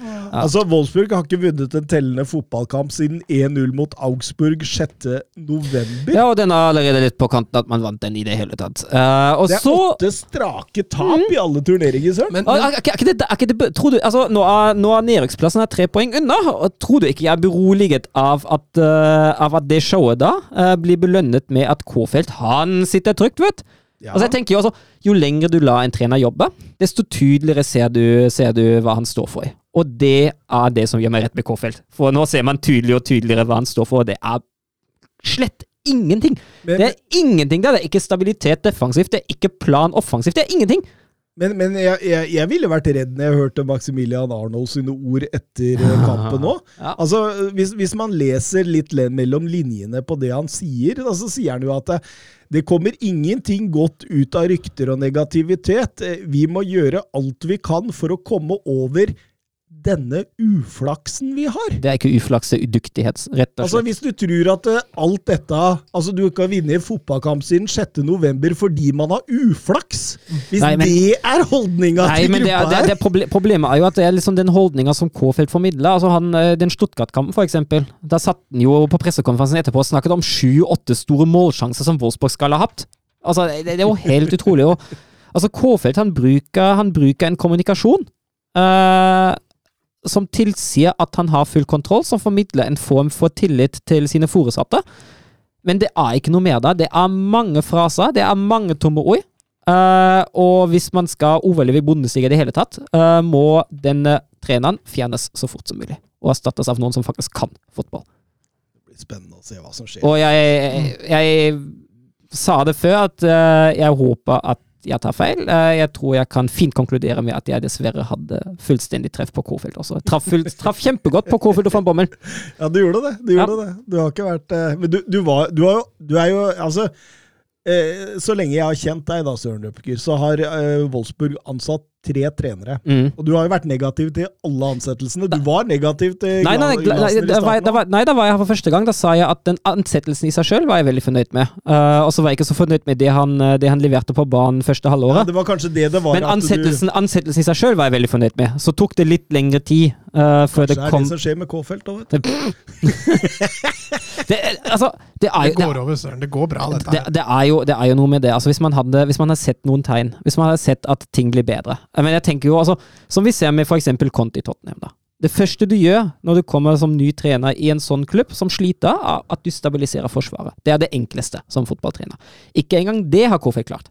Altså Går han tilbake fra trevekstlinje til firevekstlinje og tilbake til trevekstlinje for han ikke klarer å bestemme seg og formidler ingen trygghet. Eh, De tre midtstopperne der Altså, den prestasjonen som alle de tre hadde, er helt katastrofe. Ja, det Altså, ingen av de tre har Altså, altså er det spillere altså, Brooks greit nok har en god sesong uh, i fjor, og så var han jo litt shaky før. Men Bonneau han var god i Köln. Lacroix har vist hvor god han egentlig er. Og det er, det er ikke dårligere spillere, nei. Nei, nei, nei. Altså, det Wolfsburg-laget på papiret er eh, Det er vel et av de bedre man har hatt på ganske lang tid. Eller Ja. ja. altså mest spennende, i Ja, hvert fall. ja, med tanke på alderen og sammensetning av troppen og alt det der, skulle jo gå. Altså, altså irriterer det meg. Altså, jeg husker at jeg satt her i start mot Leverkosen-kampen, og da sto det jo 0-0 til pausen, og da prøvde den. eh, Og det han prøvde, ga jo 2-0 seg. Han prøver det taktiske ting. Mm. Mot Bochum nå, jeg sier som jeg har gitt opp. Det kommer, altså De, de, de elleve der presterer en omgang til å glemme. Og så kommer de samme elleve ut. Jeg kunne ha tatt tre bytter i pausen med en gang. Og så, og så bytter han da etter hvert. Uh, bytter, han, eh, bytter han ut uh, Waldschmidt og Philip etter en time. Fullt fortjent. Setter inn de samme folka. Eh, så kommer så kom, uh, Setter ikke inn men setter inn folk Nei, sånn, ja. ja. Setter inn Da er du dårlig trener, altså, hvis Ja. du bruker to bytter på å ta ut Philip Sette inn, sette inn Metsja og Steffen, to spillere i akkurat samme posisjon. Forandrer ingenting taktisk i det hele tatt. Blir, det blir den samme. Og så kommer, kommer Bartosz Bialek eh, som spiss nummer to, og så fungerer ingenting. Bochum skårer 1-0. Og så fungerer ingen verdens ting. Og så kommer Bialek ti minutter før slutt som en spiss nummer to. Og jeg tenker altså, hvis ingenting fungerer, sett i hvert fall litt tilstedeværelse i boksen. Få i hvert fall inn en spiss nummer to, og få han inn sporenstraks. Eller hent Luke de Jong og slå innlegg. Altså, altså oppløser han ikke den den tre, Gjør det, altså, gjør det. altså, det, altså det, som, det som hadde vært det beste da, i den situasjonen, hadde vært å oppløse den trebekslinja den trebekslinja mot slutten der. eh, og bytte inn en spiss nummer to. Eh, Trebekslinja står jo kampen ut. Mm. Jeg, jeg, jeg blir så frustrert. Altså, nå ser det jo ut som at den ikke engang prøver lenger. Nei, det, det var flatt batteri. eh. Ja, det var dårlige greier. Fytterakker. Og, så, og det har blitt verre og verre fra kamp til kamp. Så jeg gleder meg til Herta nå til helgen. Herta til helgen, og med det så går vi over til Serie A. era il marcatore di Cannavaro. Palla tagliata, messa fuori, c'è Pirlo, Pirlo, Pirlo, ancora Pirlo di tacco, tiro, gol! Grosso, grosso, gol! Gol di Grosso, gol di Grosso! Ja Venezia AC Milan. eh, Stefano Piolis eh, 400. kamp som manager i Serie A. Eh, Et Milan med en viss flyt igjen etter en sånn svak desember, Søren. Men har kommet seg, har kommet seg tilbake, og jeg syns også i den kampen tar jo, tar jo styring fra start. Eh, det er selvfølgelig lett å ta styring når du leder før det er spilt to minutter, for all del. Men eh, jeg syns jo Milan har stålkontroll på den kampen. her. Ja, åpner bra, god på ball direkte, kommer med mange spillere og, og, Og det, det er uten Frank Kessi. Ja, absolutt. Eh, Altså, men, men med Theo Hernandez, så Ja. bare fosser den venstre sida Ja, noe sånt. ja og, og jeg syns altså, altså, Leao har en god kamp. Han er, han er veldig aktiv og bidrar med mye. Ja, absolutt. Eh, Men, men etter en forrykende Milan-åpning, da, så skifter kampen litt karakter. For Venezia flytter laget litt høyere i det banen, og, de, og, og får Ampadu mer på ball. Og, og du må jo si at de lykkes med å stå litt høyere i denne perioden. Ja, de gjør det, men uten at de skaper noe særlig. Nei, det, Det- blir bare en halvsjanse, ja. Ja, det blir jo Altså, det, det, det, du føler på en måte aldri at det er noe farlig for Milan. det er Eh, det er altså Grei kontroll uansett. Virker ikke noe særlig målfarlig egentlig i noen av lagene Nei. før pause der, og så, og så kommer man ut fra pause, og så Altså, altså jo igjen en eh, kjapp start for, eh, for Milan, akkurat som i første omgang, og Theo Nandes som, eh, som bare går ned venstresida og setter den i nærmeste. Og, ja. Da er jo kampen på er jo kampen avgjort egentlig allerede da, etter 48 minutter. Men det er som du sier, da. Det er jo Leao og Hernandez, det er jo de som står for dem. Ja, det, det er jo det. Altså, jeg, jeg er så imponert over Theo Hernandez. Jeg. Herlig fotballspiller. Altså, det, det, altså, er det verdens beste offensive venstreback? Ja, det vil jeg si. Ja, jeg, kan, jeg kan ikke Ja. finne noen andre. Altså, Ja. Glem Robertsen og sånt. Ja. Det han leverer nå fra venstrebekken sin nå, gang på gang på gang. Altså, han, han skårer jo også 3-0 der på straffesparket, som eh, Ja, og det sier jo sitt. altså Du har Ivar Ibrahimovic på banen, og så er det likevel Theo Hernande som tar straffesparket. Ja, ja. Han eh, kommer der med kapteinsbindet. Eh, kaptein og fus i alt tar straffesparket sjøl, som han sjøl også skaffa. Mm, ja. Og, og skåre skårer sitt tredje brace i AC Milan-trøya. Det er den forsvareren i topp fem-ligaene med flest brace, og det, det sier bare mye om han som eh, spiller. Altså at eh, Ja, jeg, liker den offensive driven han har. Jeg syns det, det er rått å se på når det klaffer. mm. Og, og, og det, det er jo klart det når 3-0 kommer her, og Svoboda får Ja, og da er det jo, altså, der, der kontrollerer Milan bare inn kampen, og så er det tre greie poeng. ja, virker bare fornøyde med å la ballen gå. Og gå på et og annet angrep, ligge balansert, kontrollere. og eh, Veldig greie tre poeng for AC Milan, det. Og det sist gang Venezia tapte hjemme med tre mål det i, i, i Serie A, var tilbake i 2002. Og det var også mot AC Milan. Ja, Se der, ja. Eh, så kanskje over til ukens morsomste ja, fotballkamp. Ukens morsomste fotballkamp, det kan vi si. Det var eh, Roma mot Juventus. Og hadde du sagt det til meg på forhånd at Mourinho mot Allegri, i den formen som lagene har prestert seg nå i det siste, skulle bli ukas morsomste fotballkamp, jeg tror jeg hadde lett av det. Mm. For dette, dette, altså det er litt sånn La Liga-preg over, over det man hører der, altså. Med tanke på underholdningsverdi. Det er jo to trenere som begge to har blitt kjent for å la det defensive gå foran det offensive. Ja. Um, Riktignok så var Allegri eh, på tribunen i denne kampen. Han var vel kritisk mot dommerne etter 1-1 mot Napoli torsdag, og det var jo assistenttrener Landucci som satt i ringside. eh. ja det, var, det, er- fortsatt Allegris matchplan som, eh, som Juventus følger der, da. Ja, og apropos matchplanen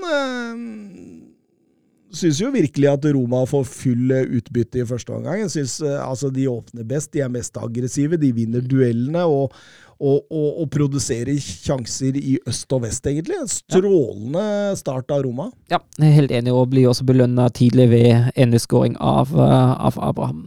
Da etter en, eh, etter en corner. Ja, strålende, strålende Abraham der som eh, river seg fri fra Rugani og header inn 1-0 der. og han har fått mye skryt denne sesongen, men enkelte har hevdet at han forsvinner i toppkampene. Men, Ja, men han, jeg syns ikke han forsvant i den. Altså, I den her var jo Abraham uh, fullt med. Ja, og mot Milan så skårte han jo mål også, så kanskje han er i ferd med å ta det steget også. Men det er jo Roma som kjører det, og, og det, det, at Dybala setter 1-1 der, det er jo motspillets mot spillets gang. Ja, men fin scoring. Det skal han ha. Uh, men ja, fullstendig mot Filesgang. Men det er, det er jo det er sånn den kvaliteten som du har i en Dybala, da, uh, som da gir deg det målet. Ja, for du, du veit alltid at uh, ok, han kan finne på noe. Han, Mm. han kan det Altså, han har en kreativitet og en løsningorientasjon som er eh, litt utover det vanlige, da. Så, så, så, så om laget sliter i sin helhet, så har du alltid en som kan køle dem fra 20, eller, eller sette opp den gjennombruddspasningen. Så, så det, det er jo perfekt å ha sånne spillere, og det ser jo ut som han fortsetter karrieren i Juventus nå. Ja, og det tror, jeg, jeg skal være glad for. Mm. Allegri vil jo kvitte seg med den før Ja, det skjønner jeg. Ikke, det skjønner jeg ikke bare. Altså, hvor mange poeng har Dubala redda Juventus i år? Ja, det er eh, ganske mange, for å si det sånn. Eh, begge trenere har litt bekymringer der utover i første omgang. Abraham og Chiesa gikk rundt og halta. Chiesa måtte ta seg av. Eh, Ja, veldig sunt, Dessverre. Men eh, nerve, intensitet, trøkk, og det, det, det, var, det var rett og slett en reklame for Serie A, det vi fikk se. Ja. altså. Ja, det er fryktelig, fryktelig gøy. Eh, Juventus kommer litt mer inn i det etter 1-1, har fått Roma litt ut av rytmen, men likevel så syns jeg Jeg syns Roma er best. Uh, og jeg syns også når Roma tar ledelsen i dette pausen, er det fullt fortjent. Mkhitaryan der som setter 2-1. eh, Lorenzo Pellegrini setter 3-1 med et En fantastisk nydelig frispark. Et strålende frispark av Pellegrini der, ja. Eh, 22 meter, limer i krysset, og Roma leder 3-1. Og, og eh, jeg, jeg veit ikke hva som skjer der. Nei, men er det, Er det Mourinho som bare blir litt for feig, eller? eller er det at denne intensive timen har kosta så mye krefter? Ja, eller- fordi Ja. altså, det, det, det er én av to. Eller, eller en god kombinasjon av begge deler.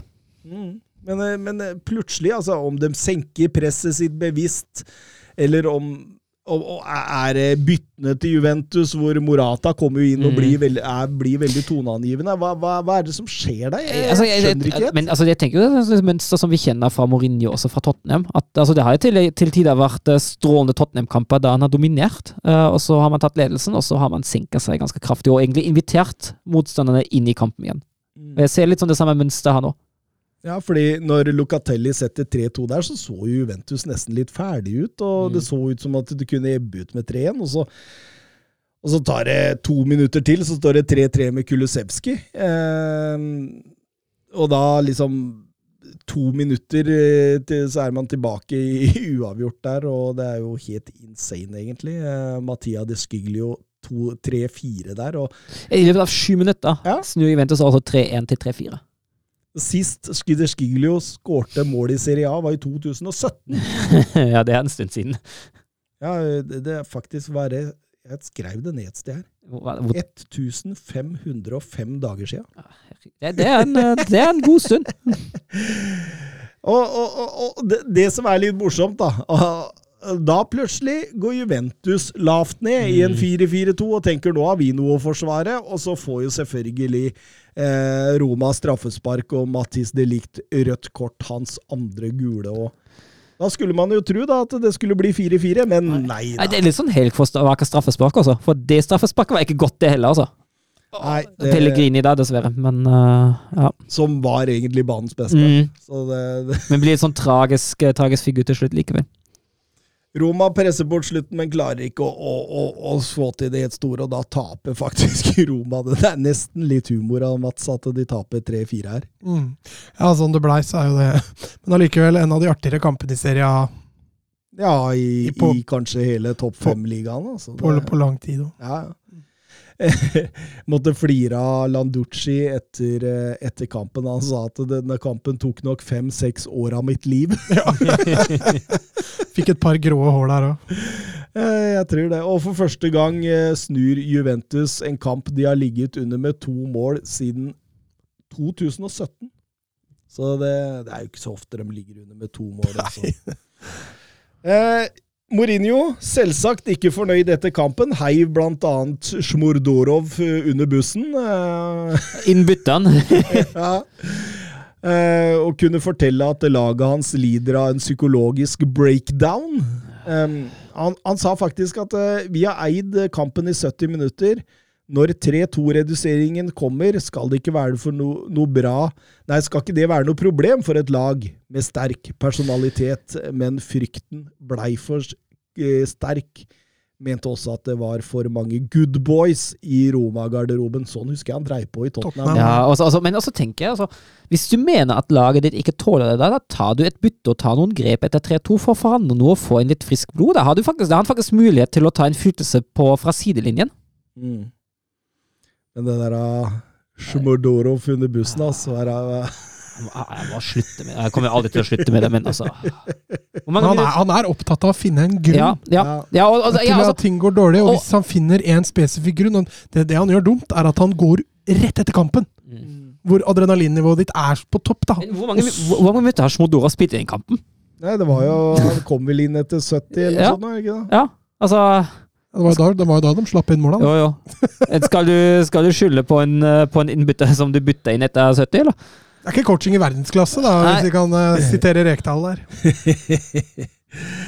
Eh, vi går over til Inter mot Lazio. Det var et Lazio som har besøk hos serieleder Inter og sin gamle trener Simone Inzaghi og Inzaghi? Inzaghi. Inzaghi? Inzaghi?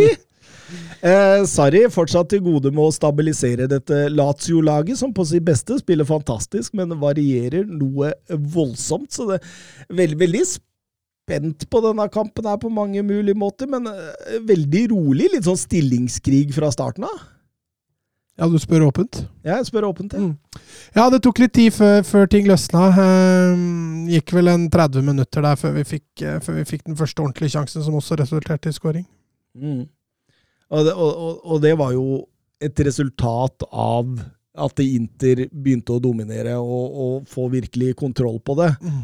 Eh, Lazio slet eh, til dels, og det begynte å trykke Barella, De Frey, Sanchez, Martinez. Gode sjanser. Og, ja, jeg satt og tenkte på under matchen at det, det er vel bare Liverpool i hele Europa som så bevisst bruker, bruker bekkene sine offensivt, både i overganger og i etablert spill, som det Inter gjør. Mm. Det er en sånn veldig sånn der Altså, så stor del av angrepsmønsteret deres liksom på en måte kommer ut av Dumfries og oh, Perisic. Perisic. Og Perisic er ikke noen sånn utprega sånn type heller, så det er litt, eh, det er litt godt gjort og greid å få han til å, å prestere der. Ja, han har blitt strålende på venstre wingbacken der, syns jeg. Han ble, og, og Dumfries har vi jo skrytt i nok av flere ganger. Men Bastoni setter 1-0. Ziro Immobile reduserer, eller utligner rett etter. Ja, det så jeg. Altså, nå blir nærmer seg jo Onana nærmer seg jo Inter nå. Uh, og det ligner jo litt på det Onana gjorde i Afrikacupen mot Burkina Faso av keeperspill eh, til Handanovic der, altså.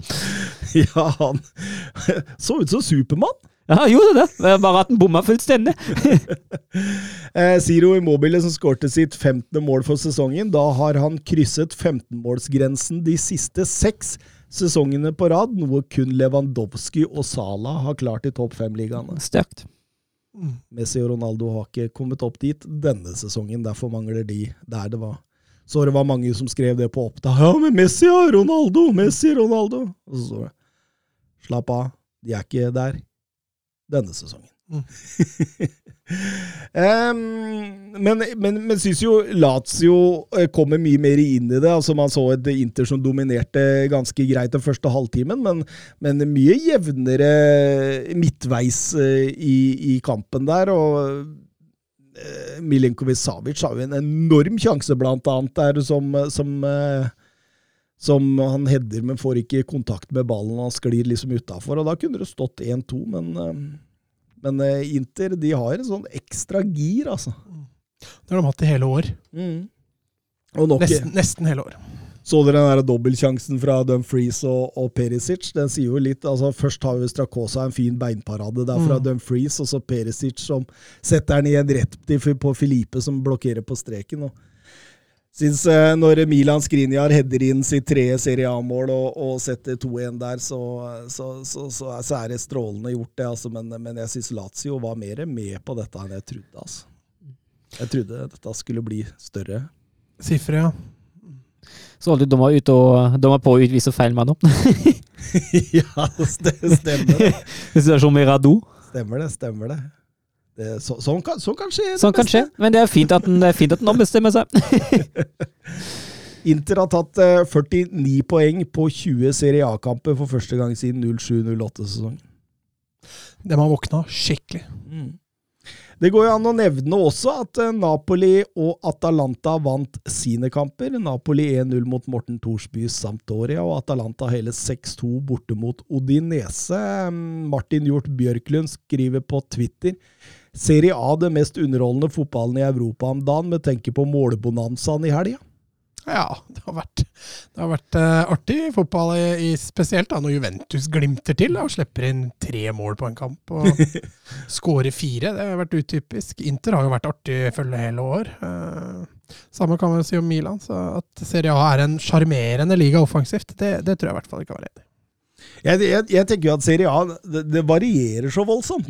Fordi altså, man har disse tut og kjør-laga, ikke sant? Som alltid vil Atalanta. Atalanta, Sassolo, Milan, eh, Lazio, som ofte gir målrike kamper. Og så har du Det har jo ikke alltid vært like underholdende med Napoli, Juventus, Roma til tider. Eh, og så er det flere lag i bunnsjiktet i Serie A da, som liksom på en måte må mure igjen og parkere bussen. Hvis ikke så blir de fullstendig kasteballer. Noe som også på en måte eh, veier litt opp for det. men altså At det varierer, men topp underholdning og, og VG pluss-abonnement i disse dager er jo verdt det. Det er helt Er klart. ikke. Emil Konradsen Seide på vei til Sassolo? Jo, vi skulle ta det i ryktespalten, oh, ja, okay. men, men du kan jo Nei, jeg bare leste det. Ja, for det var jo Altså, Leo Østegård debuterte vel også? Ja, For det Geno. Mm. Det blei jo 0-1-tap, det. De skårer jo ikke mål, Geno. Der er det fryktelig trått for tida, altså. Ja, det Altså Jeg må, jeg må bare tenke, men jeg tror de har vel 20 mål på 21 kamper, noe som ikke er sånn nødvendigvis så veldig ille når man ligger nede i bunnstriden der. Men de har tre på ni kamper under Sjevtsjenko. Mm. Det, da begynner det å blinke blått lys. Ja, det bør det gjøre. Så det Og så har Geno altså, de har vunnet én kamp i år. Ja. Og så står de da med ni uavgjort eller noe sånt. Så det er jo helt klart at de, de trenger noen inn der som kan skåre mål, så Leo Østigård er vel kanskje ikke mannen der, men Men han debuterte og var vel en av de bedre baki der, etter hva jeg forsto. Um, Skal vi gå Får se om han får plass da i troppen til Solbakken neste gang, nå som han spiller i en av de store ligaene. Ja, rett inn, det, vet du. Rett inn. Ja, det er Det jo var i hvert fall Lagerbäck. Det var sånn, rett inn. Ja. Bytta du klubb og havna altså, sånn eh, Spilte du i Tippeligaen? Nei, du var ikke god nok. Og med en gang du bytta klubb, ja, da var det rett inn. Da var Ja, men Solbakken inn. Følger faktisk med. Ja, han følger med. Han følger med. Eh, vi går litt over til league Ø. sur la frappe de Messi de, De de Mercado, Mercado, oui. Mercado, et, et là aussi on a un petit peu de réussite. Griezmann sur l'appui, c'était bien joué avec Giroud. Oh, Sylvain. Oh, Sylvain, il l'a vu Oui. Kylian Mbappé Kylian Mbappé, il l'a vu Ça fait 4 Et ça fait peut-être un quart de finale pour l'équipe de France 68e minute Oh, la joie collective parce qu'ils ont tous jailli du banc pour aller saluer cette passe décisive géniale de Giroud et ce doublé pour Kylian Mbappé Lyon mot PSG, det, det klinger bra, det. Ja, det er ganske store navn, det. Ja, eh, begge lag Hva kan du si? Eh, Prega av både Afrikamesterskapet og, og skader. Eh, Messi var vel ikke klar etter korona. Hakimi, Ghana, Diallo var i Afrikamesterskapet. Neymar eh, ute med vond ankel. Og, og det har murra litt i PSG den siste tida nå. Eh, Flere og flere rykter vi hadde til at Pochettino er ferdig, og at Zidane kommer til å ta over fra, fra sommeren av. Ja, de har jo begynt å få litt gjennomlufting på trenersida, PSG også. Eh, Jeg tror ikke det er lett å ha den ansvaret for den gjengen der, også. Eh, Nå har jo Zidane vist at han kan håndtere mannskap som er kravstore, men eh, at Jeg ser liksom litt den kampen her, og det er litt sånn Det er greit, som du sier, da, det mangler mye, men altså, det er mye balltrilling. Det er ikke det helt store. Det er Nei, altså, altså, er det ikke på en måte noe utvikling i Pochettinos PSG heller? Jeg føler at det er samme, samme trottet gang på gang på gang på gang. Han får ikke helt, eh, helt uh, girene eller? Altså, det, det, er, det er jo ikke veldig ulikt det vi så Nei. under Tuchel Nei. i PSG. Nei.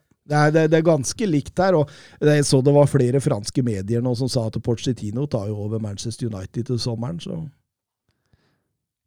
mm. Så det der er bare en sånn liten kjedereaksjon. Ja, en liten sånn kjedereaksjon. Zidane til eh, PSG og Jeg tror, jeg tror verken Pochettino eller PSG blir lei seg om det blir sånn. Nei, altså Pochettino vil jo vekk. Mm. Altså han har jo, altså Når Tottenham-jobben var ledig, så ville jo han dra. Eh, Det var jo Leonardo som stansa det. Mm. Og, eh, så, og, og, og det er litt rart, for hvis du ser på Vinaldum òg, så er jo han også sånn klart ønske om å dra. Det er, det, det er åpenbart at det er en sånn klubb som Altså, det, det, det er vel ikke harmoni over hele fjøla Nei, men altså, hvis, hvis du ser på hvilke spillere som er i toppen der Altså, Jeg regner ikke med at det alltid er sånn kjempekult å sitte i den garderoben der. Nei, det, gikk jo noen rykter om var det Neymar, eh, Mbappe og Messi, at det forholdet mellom de tre at eh, Messi og Neymar var så gode venner, og at, eh, at Ja. Mbappe følte seg ute. Altså, altså, har du, altså har du på en måte alle de tre som altså Messi, Neymar, greit nok, men altså Føler Mbappe seg selvfølgelig som en stor stjerne, men så føler Neymar seg som en stor stjerne, og Messi føler seg som en stor stjerne, og det kan jo få ta litt plass fra hverandre. Så har du fått Ramos baki der, Ja. og så har du en Verratti, en liten italiener på midten. som skal Nei, jeg tror ikke Di Maria nødvendigvis er den enkleste karakteren å forholde seg til heller.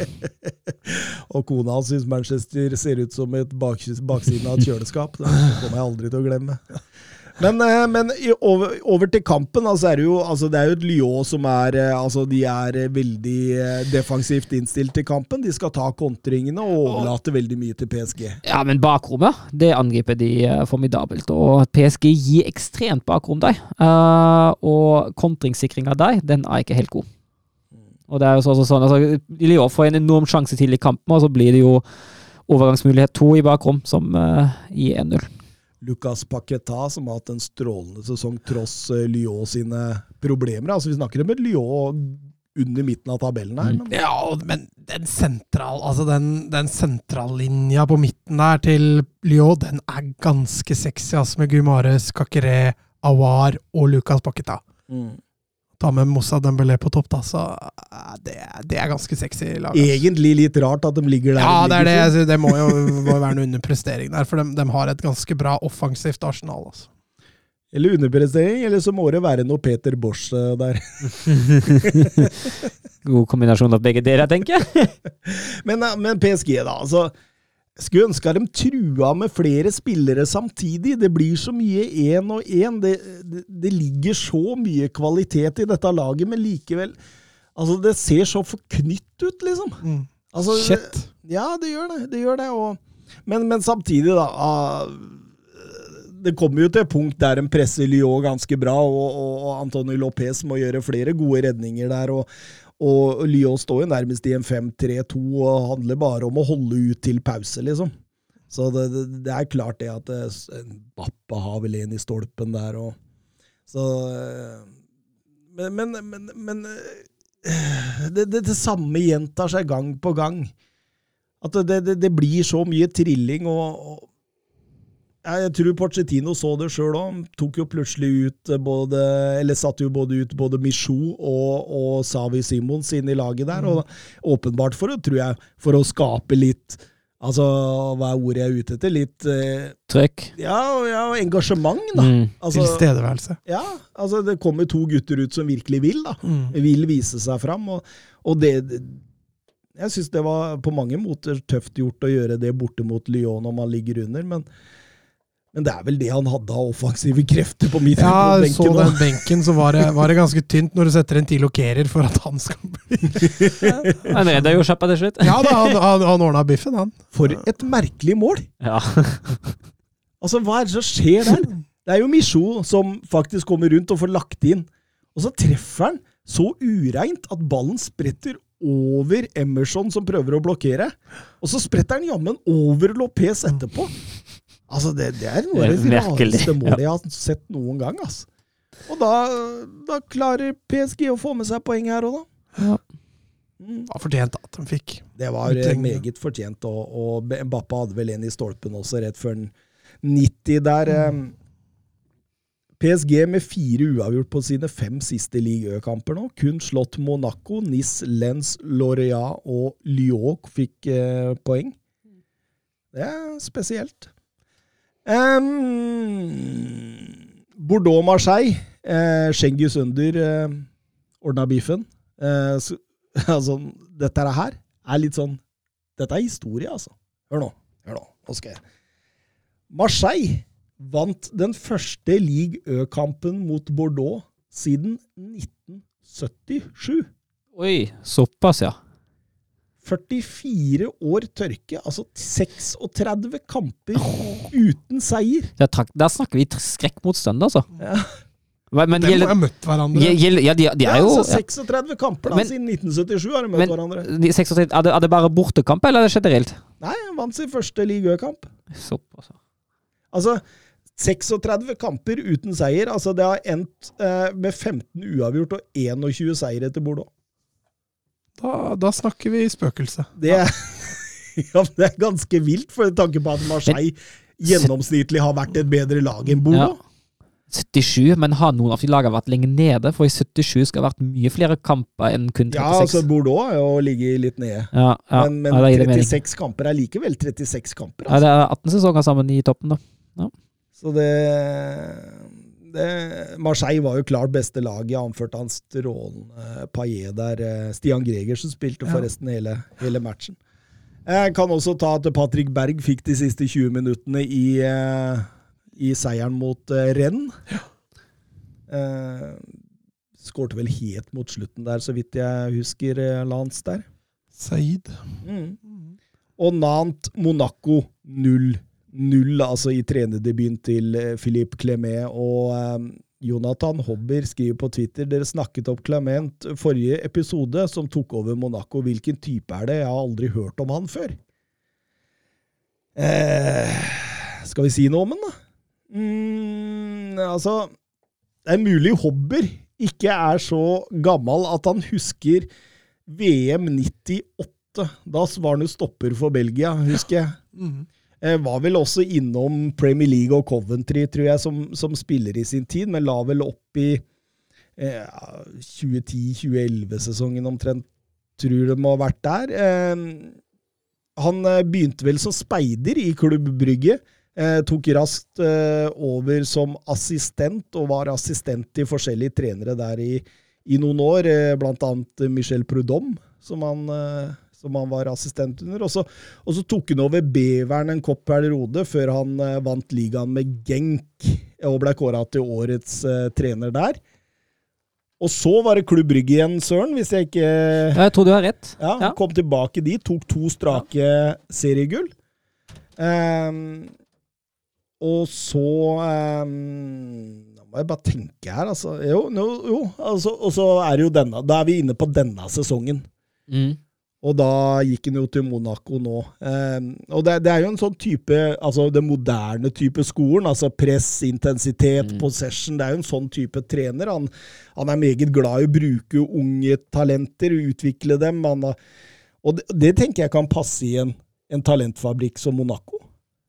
Ehm, ga vel annet Noah Lang og De Catelære sjansen. Videreutvikla Krepin Diatta, veit jeg, og, og står mye bak utviklingen av spillere som Ruslan Malinovskij, Joakim Mele, Leandro Trossard og Sadre Berge, for å nevne noen. Så det er en spennende trener for Monaco, dette. Ja, veldig gøy.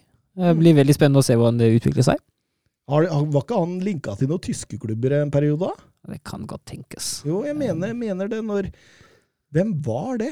Hvem var det? Det var noen tyske lag i sommer som, eh, som Det var en del lag som uh, trengte ny trener i sommer. Så. Wol- Wolfsburg bør vel ha slått til deg, men uh, bedre enn det som har vært innom. Eh, Så kan vi også ta med at eh, NIS, som ligger på annenplass, vant 3-0 over Brest. Eh, tross spilte nesten en hel kamp med én mann mindre, da Morgan Snadelæ fikk rødt kort etter en ja, kanskje ganske streng, den taklinga der. Det var ikke, så, var ikke noe rødt kort, men eh, Vi eh, kjører eh, gjør nå, vi må det. Ja. Vi må det. Du må. Jeg må. Bra jobba, gutta! Bra ball! Ah, grei offside. Tor Håkon, den er grei. Tor Håkon! Nei, Tor Håkon, det var din egen skyld. Ikke bli sint for det, i hvert fall. da. Tor Håkon, ikke kjeft på dommeren. Og ikke kjeft på dommeren. Tor Håkon, nå hører du på dommeren. Det er hver gang, altså. Hver gang. Ja, fordi ingen av dere har vel noe å si i Europahjørnet? Nei, Ajax er på treningsleir i Portugal vil fortsatt. De var i hvert fall det til uka. Ja, Anderlecht de spiller ikke kamp igjen før eh, 16. januar, så det er jo nå til helga. Ja. Eh, Da er vel bare meg, da, og mitt eh, Sporting Lisboa, som var på bortekamp eh, mot eh, et av nedrykks... eh, altså et av de lagene som kan rykke ned, i Santa Clara. Em, eh, selvfølgelig store favoritter, og tar oppskriftsmessig ledelsen ved Palinja der. Em, banker til stillestående fra 25 meter i nærmeste hjørne. Godt skudd, men eh, keeper burde kanskje ha reddet den. og, og jeg syns Santa Clara kommer godt inn i kampen etter hvert, særlig venstresida der med Jean Patrick og Lincoln, eh, to ganske underholdende brasilianere. Eh, skaper litt eh, trøbbel. og 1-1 med Patrick eh, kommer rett etterpå, header inn eh, den, og da, da går man til 1-1 til pause. Litt sånn ah, Litt, litt sånn eh, sløv omgang, egentlig, av Sporting Lisboa. Eh, etter at de tok ledelsen 1-0, så, så tenkte man liksom at dette her eh, kommer til å gli godt, dette har de god kontroll på, men, eh, men eh, det, det, det var sløvt. Og, og, og nok en gang da, så tar de jo ledelsen tidlig i annen omgang med Sarabia der. En fantastisk bakromsball av Pedro Gonsalves rett på foten til Sarabia, som setter den eh, med på volley i lengste. og da og da leder de med 1-2, og da tenker man for andre gang i kampen at oi, okay, dette her har de god kontroll på. Og så kommer eh, disse brasilianerne. Først Lincoln til 2-2, eh, nesten umiddelbart rett etterpå. Selv om Sporting er best og produserer de fleste sjansene, så er det Ricardinho som eh, nok en gang Lincoln som ligger bak, som banker den inn via tverrleggeren og inn rett før slutt. og for, og, og dette har jo ikke gått Sportings vei om det ikke skal bli enda verre, så får Brakanka rødt kort eh, på overtid og noe, noe uforskyldt, kanskje en stempling der, men må ta konsekvensen av noe da. Da taper faktisk Sporting Lisboa. Såpass, ja. Det, det En oddsbombe. en, en liten oddsbombe. Eh, Porto slo Estoril, og, og Benfica slo Pacos. Og Ja, da, ikke, Benfica- eh, ikke Sportings runde med andre ord. ikke Sporting sin runde, med andre ord. Nei, eh, Grimaldo skårte for Jeg visste det! Da blir matchglad. Eh, Så det betyr at Porto leder med 47 foran Sporting med 44, og Benfica helt nede i 47 poeng bak eh, Porto nå, så det er, det er nesten en sånn two, two Helt nede i 47 poeng bak Porto. Ja, 7 poeng. Oh, ja. Jeg sa jeg 47, så mente jeg 7. Ja, du, du, var sikkert en blanding av 40 og 7 poeng, så da ble det 47 poeng. Mm. Så da eh, Det virker jo nesten som Benfica er litt ute av det, og at eh, det, det står mellom to nå. Og da fikk jo Porto en grei, grei trepoengs ledelse der. Eh, Sterkt å slå Estoril borte. altså Estoril har vært bra, men eh, Liverpool-aktuelle Luis Diaz herja fullstendig der, med både mål og assist. Han er god, altså. Han er god. Eh, Petter Støvland på Twitter, kan eh, episode 142 inneholde litt overganger og rykter òg, eller? Ja, det kan det jo, tenker jeg. Eh, Steffen Hansen på Twitter. Er det 100 men nei, Det er 100% når dere snakker rykter. Hva mener han med det? At vi treffer, da. At vi er gode, liksom? Ja, At det er gøy være å høre på, liksom? Ja, eller at, vi, at mye av ryktene skjer. Ja. Hvilken kilder bruker dere oftest, skriver han. Altså, jeg, vi bruker jo ofte de der Twitter-guruene, Fabrizio Romano, Gianluca Di Marzio, de der. og der. Mm. Men samtidig, så i hvert fall jeg, da, bruker en del av de lokale journalistene til klubbene, spesielt i England, for det, det, det er mindre bull med de. De, de har et nærere personlig forhold til klubbene. Ja, Særlig i England hvor man, hvor man passer seg. Der er det mye bullshit-rykter som går. Ja, ja. Daily Mirror og, Ja, ja, ja. og det, er, det er mye, mye gærent der. Og vi prøver jo å styre unna de, men noen ganger så er de for bra, så vi må nevne dem. Altså, altså jeg, tys, I Tyskland er vi kicka altså veldig bra. Når de først, når kicka først rykter noe, da er det gjerne hold i det. Betyr ikke å, betyr ikke, trenger ikke bety at det akkurat skal komme sånn, men det er i hvert fall hold i det. Ja, jeg bruker Kicker, jeg bruker AS i, i Spania, jeg bruker Gazzetta i Italia, Altså veldig ofte BBC og Sky da, i England, selv om Sky er litt sånn. De, de, de, altså. Ja, de, var bedre før. Altså, Mm. du, nå har de begynt å henge seg litt mer på den sånn tablo... Ja, tabloid, ja. Men vi kan jo ta de bekrefta overgangene siden sist. da, Av de største så kan vi jo si at eh, Kieran Trippier ble klar for Newcastle. Ja, og det er jo stor signering for Newcastle. Eh, Det tror jeg virkelig hever kvaliteten i den troppen der. Mm.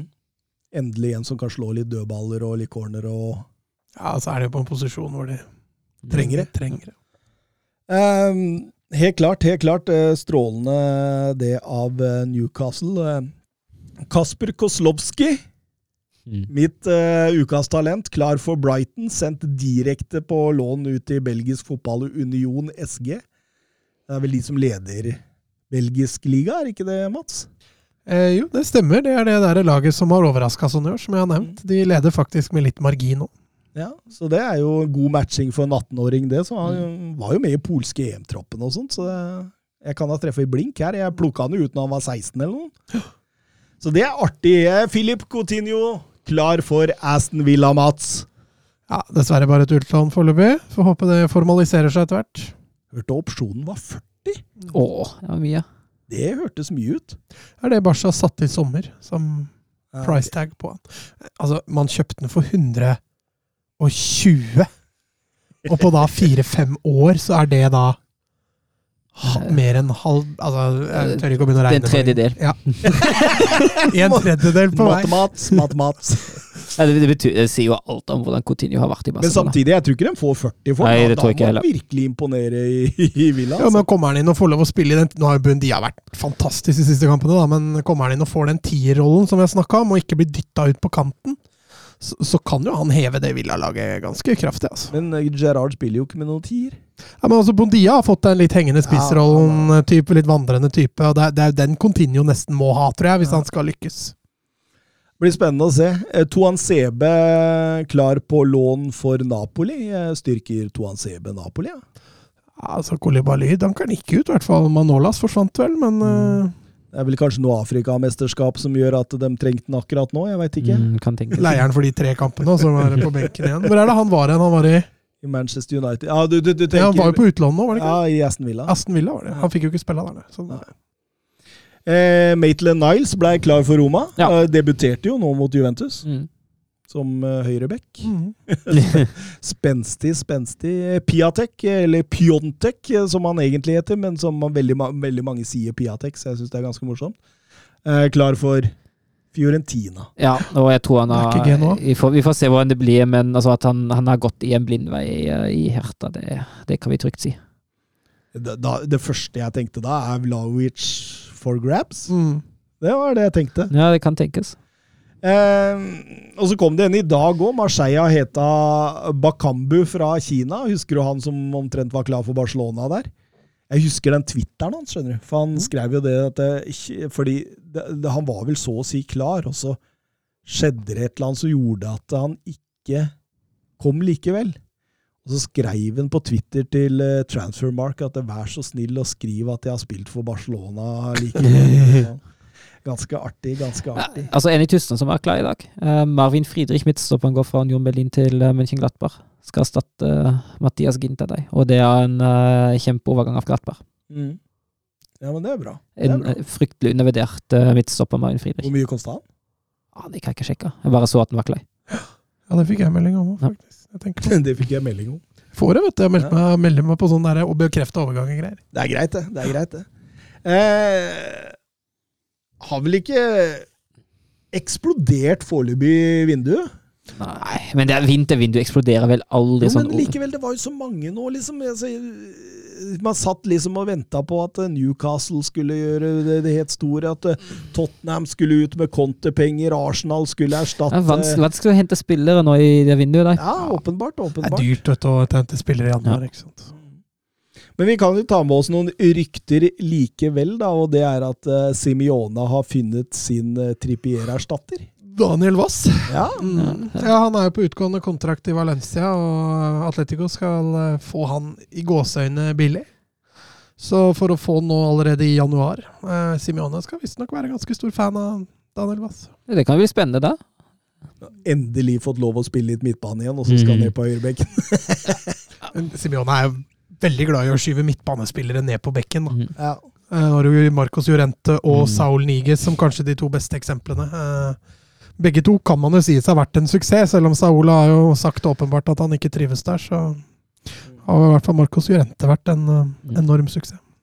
Så kunne vi jo snakka et kvarter om Newcastle. Eh, det, det er jo så mye rykter at du kan jo le deg i hjel. Men det som begynner å bli ganske klart nå, da, at det ikke blir noe Sven Båtmann. Mm. Eh, Lill vil ikke selge, og at eh, Didrik Tofte Nilsen skriver Badia Schill er heftig linka til Newcastle, og dere har snakka mye om han. Er det god match?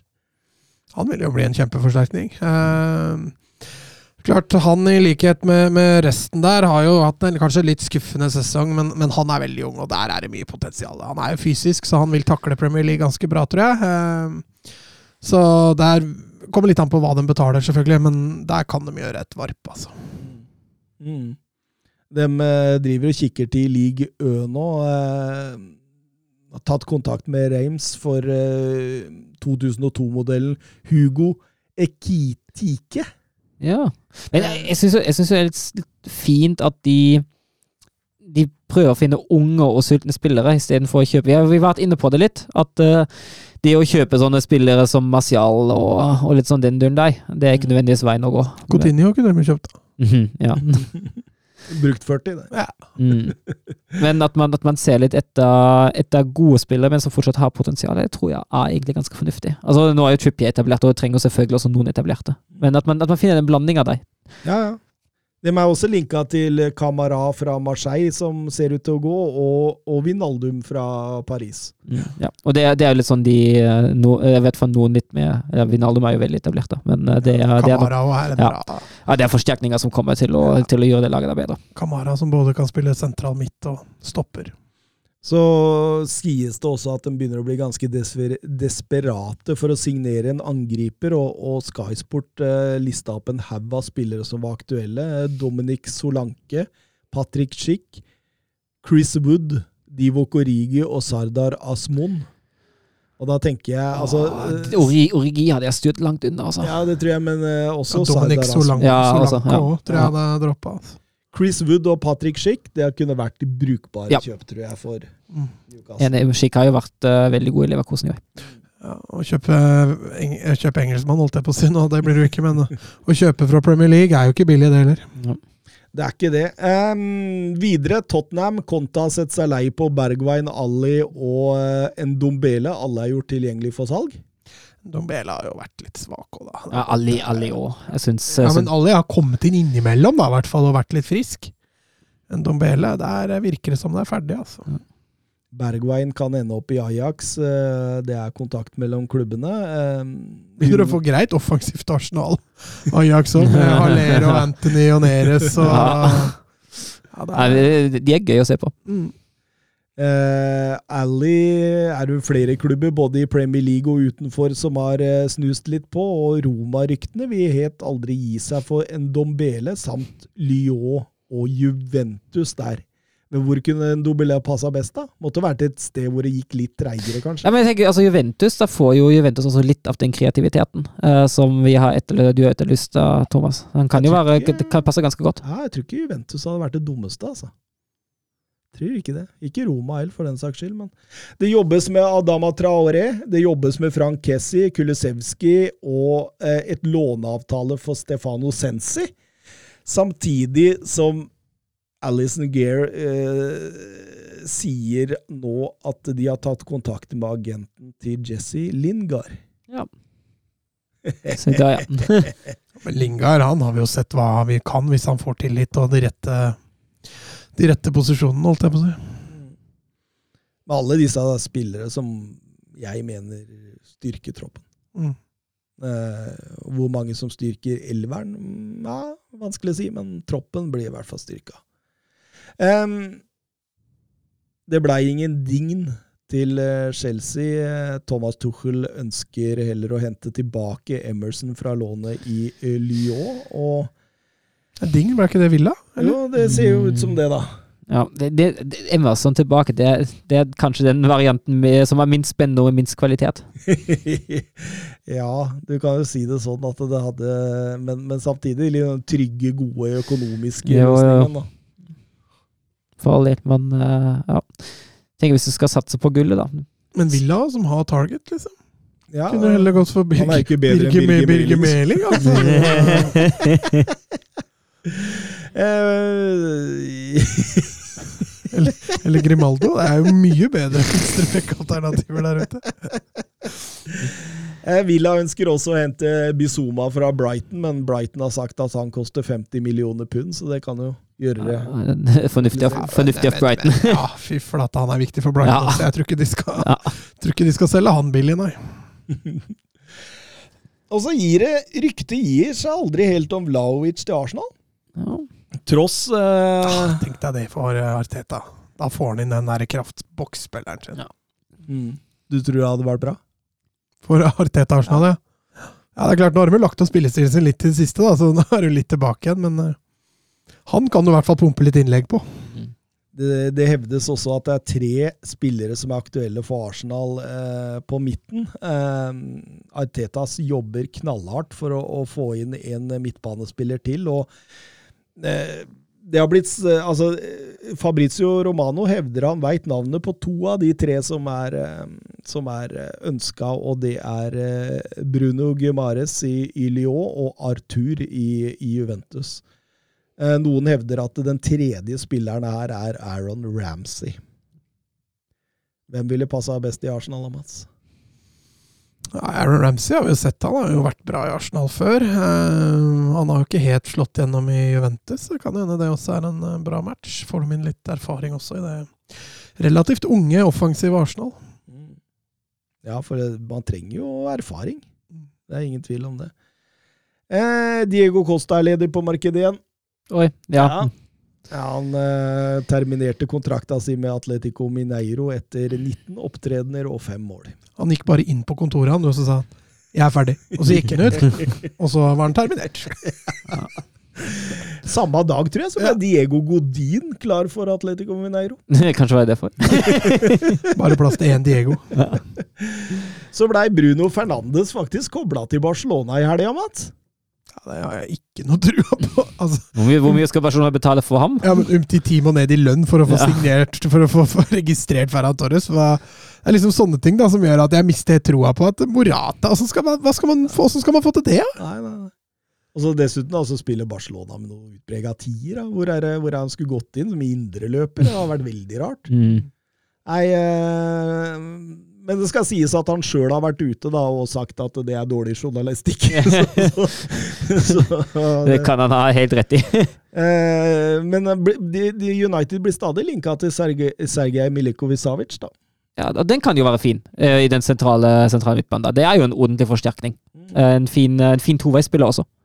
Så gikk det noen rykter om at Ronaldo var innkalla til krisemøte for å ville vekk fra Manchester United. Eh, Vet du hva, Hvis jeg hadde vært Ralf Ragnhild, hadde jeg sagt vær så god. Og jeg tror, jeg tror veldig mange av eh, de rykta problemer, hvis det er noe sannhet i det eh, Og en del av problemer som Ragnhild, utfordringene som Ragnhild møter med spillestilen, med omstillingen av spillestilen, eh, kan kobles direkte eller indirekte til, til Ronaldo. Så er det, var det litt gøy med å se United mot Villa var vel i går, det? Går det? ja. De første ti minutta. Så var det liksom noe helt annet over United enn det det var mot Wolves. Så tenkte man ja, der har du United uten Ronaldo. Og så gikk det jo litt tid, da, så var United tilbake igjen i sitt gamle Og Villa spilte dem nesten ut, men ja. De hadde flaks som gikk videre der. Ja, fy fader, der hadde det Det var medvind. Det var medvind. Eh, franske medier hevder at eh, det er en sånn liten plan om å gjenforene Zidane og Ronaldo i PSG. Ja, fordi, fordi PSG hadde ikke nok eh, stjerner med stort ego som løper rundt. Da trenger man absolutt en Ronaldo i tillegg. Jo, jo, men tenk deg da Mbappe går til Real eller et eller annet, Mm. og så da Ronaldo inn der, så har du Messi, Neymar, Ronaldo. og Zidane på benken. Og Zidane på benken. Det er jo tre aldrende stjerner, da, men eh, for det. Det er navn som Det hadde vært eh, gøy å sett Ronaldo og Messi i samme klubb. Ja, Det hadde vært morsomt for alle. Ja, det hadde, vært, det hadde faktisk vært litt artig. Så lenge det ikke er i Barcelona, så er det greit.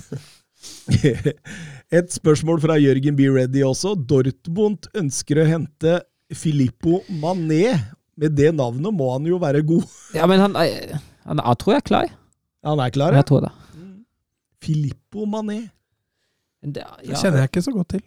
Eh, Sampdoria, ung gutt. Ja, 16 år. 16 år, en midtstopper. Eh, en av de største talentene i, eh, i Italia siste. Han, eh, han er 16, han Ja, det står faktisk på nettsida til Dortmund at han er klar. Uh, klar til Youth Department. Uh, har spilt for Samtorias U19 allerede.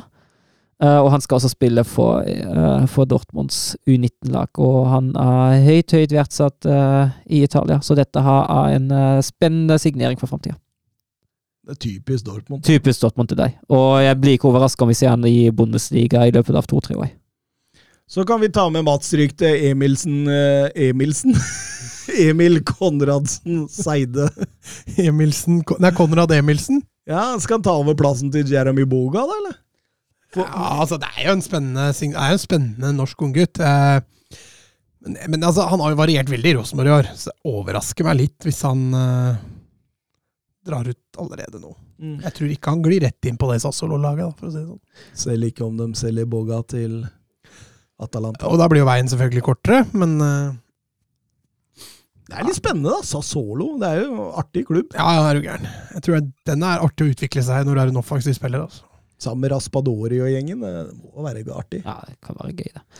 Kan også nevne at uh, norske Andreas eh, Vindheim har klar for et låneopphold i Schalke, Schalke, ut sesongen. Ja. Åssen går det forresten med Schalke? Tja, det går, det går som det går, da. Eh, de, henger jo de henger jo med å kjempe om opprykk. De gjør det, ja. De gjør det. De Ja. ligger vel på Skal vi se, nå skal jeg ikke si noe feil. Eh, de ligger på fjerdeplass. Uh, av poeng med HSV på tredje. Uh, også av poeng med både Nürnberg og Heidenheim, og ett poeng foran Bremen, så da oppe er det tett. Uh, St. Pauli leder med 36, foran Darmstadt på 35. Så det, alt ligger til rette for en eh, spennende andre halvdel av andre Bundesliga. 16 kamper igjen. Deilig, deilig. Um Vebjørn Fredheim på Twitter. Grunna korona og skader har det kommet sykt mange unge spillere inn og fått spilletid i det siste. Kan det sette opp et U18 beste talenter, mest spennende eh, talenter XI? Det betyr at vi må sette opp en elver, da. Eh, ta med eh, Nei, skal vi se. eh, da, da vi, vi blei enige om at vi skulle skippe de som hadde fylt 18. Ja, for da var det jo noen plasser som hadde blitt fylt ganske automatisk. Det hadde vært Den uh, midtbanelinja hadde vel skrevet seg ganske sjøl. Wirtz, eh, Bellingham Mosiala og Gavi. Ferdig. Deilig, deilig, deilig. Men eh, det er jo sånn at eh, dette her er jo masse spillere som ikke har slått til, så eh, Dette er noen spillere man har trukket opp av hatten, og så er det jo noen spillere man må ha gjort litt research på for å, for å finne ut av. Eh, ingenting eh, vi kan gjemme oss bak der, men eh, jeg fant ikke så veldig mange keepere, og det, Søren, du fortalte meg hvorfor. Ja, for keepere tar jo gjerne litt tid før de begynner å slå ordentlig gjennom. Keepere spiller jo som leger litt lengre enn uh, en utespillere òg, men uh, det tar tid. Det er veldig sjelden man ser veldig unge keepere uh, i toppligaene i Europa. Det Det er et stort ansvar som følger med på en, på en fotballkeeper på toppnivå. Også. Det er veldig sjelden man finner noen Melier. Han er jo veldig ung for å være keeper i Donnarumma begynte jo veldig tidlig. Ja, og det er, det er jo unntakene. De fleste, altså, vi tenker jo en, keeper er jo ung når han- når han får sitt gjennombrudd med 22, 23, 24. Da er han jo Ja. fortsatt ung. Mm. Jeg fant nå én. André Gomez i eh, Benfica skal være et monstertalent. En såkalt eh, Courtois-type. Spiller på Benfica U23 og Portugals aldersbestemte. Er det noen som har noen andre enn han, eller? Nei. Nei, så da, da glir jo han rett inn i den Ja, elveren, han Det da. gjør han definitivt.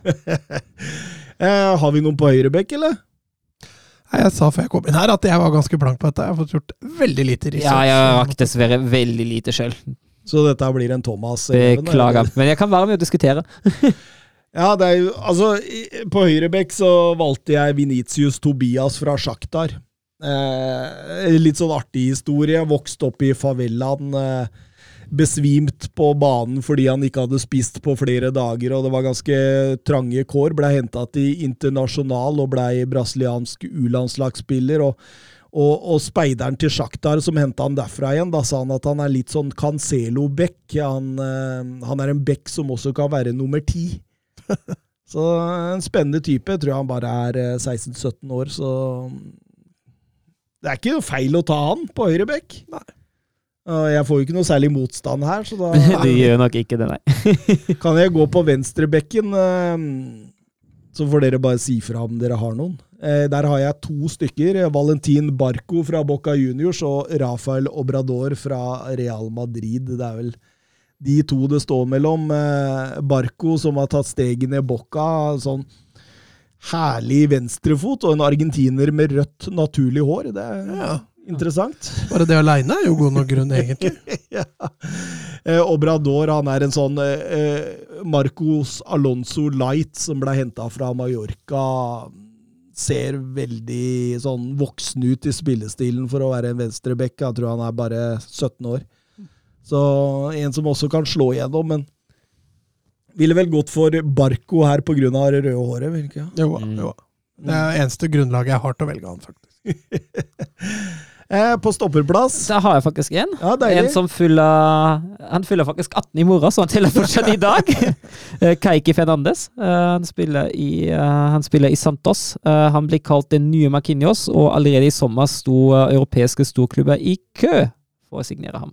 Og han eh, er meget, eh, meget spennende og, og lovende spiller da en god del eh, for A-laget, og har fått allerede vært med i Brasil aldersbestemte landslag. Har vært kaptein for U16-landslaget.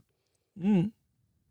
Ja, ja, jeg har eh, tre stykker der, så da, det, vi, vi kan jo ta med Søren sin Keiki i uh, elveren, da, så det ikke blir Thomas-eleven, dette her.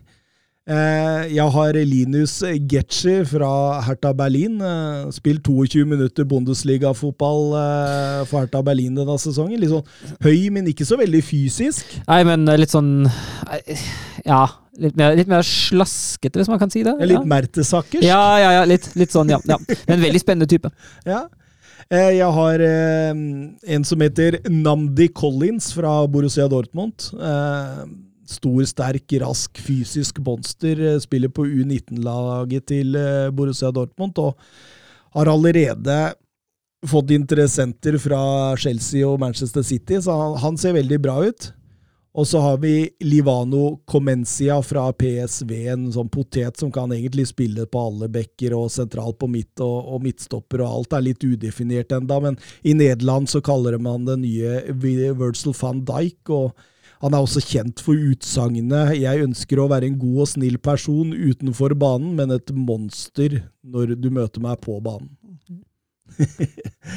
men eh, Kaiki og eh, ja skal vi, skal vi eh, kjøre Collins? Der? Ja, det er jo litt gøy. eh, virker ganske interessant. Fått også enorme eh, enorme rapporter fra Dortmund på at han vokser seg til og, og kan allerede begynne å Altså Veien inn som stopper på Dortmund Ja, behøver jo ikke å være det veldig lang.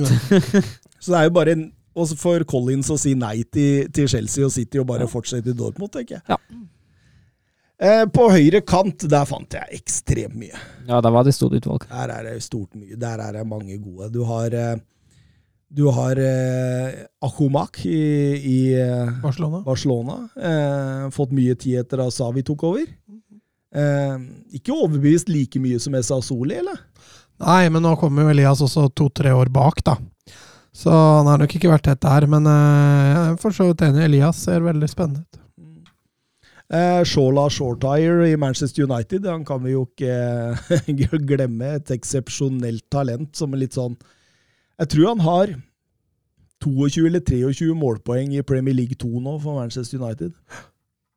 Og så spørs det jo hvor mye får han spille i United framover, da. Jeg tror liksom ikke det er klubben Nei, det er ikke, det er ikke lett vei inn der, altså. Der er det mye du må forbi.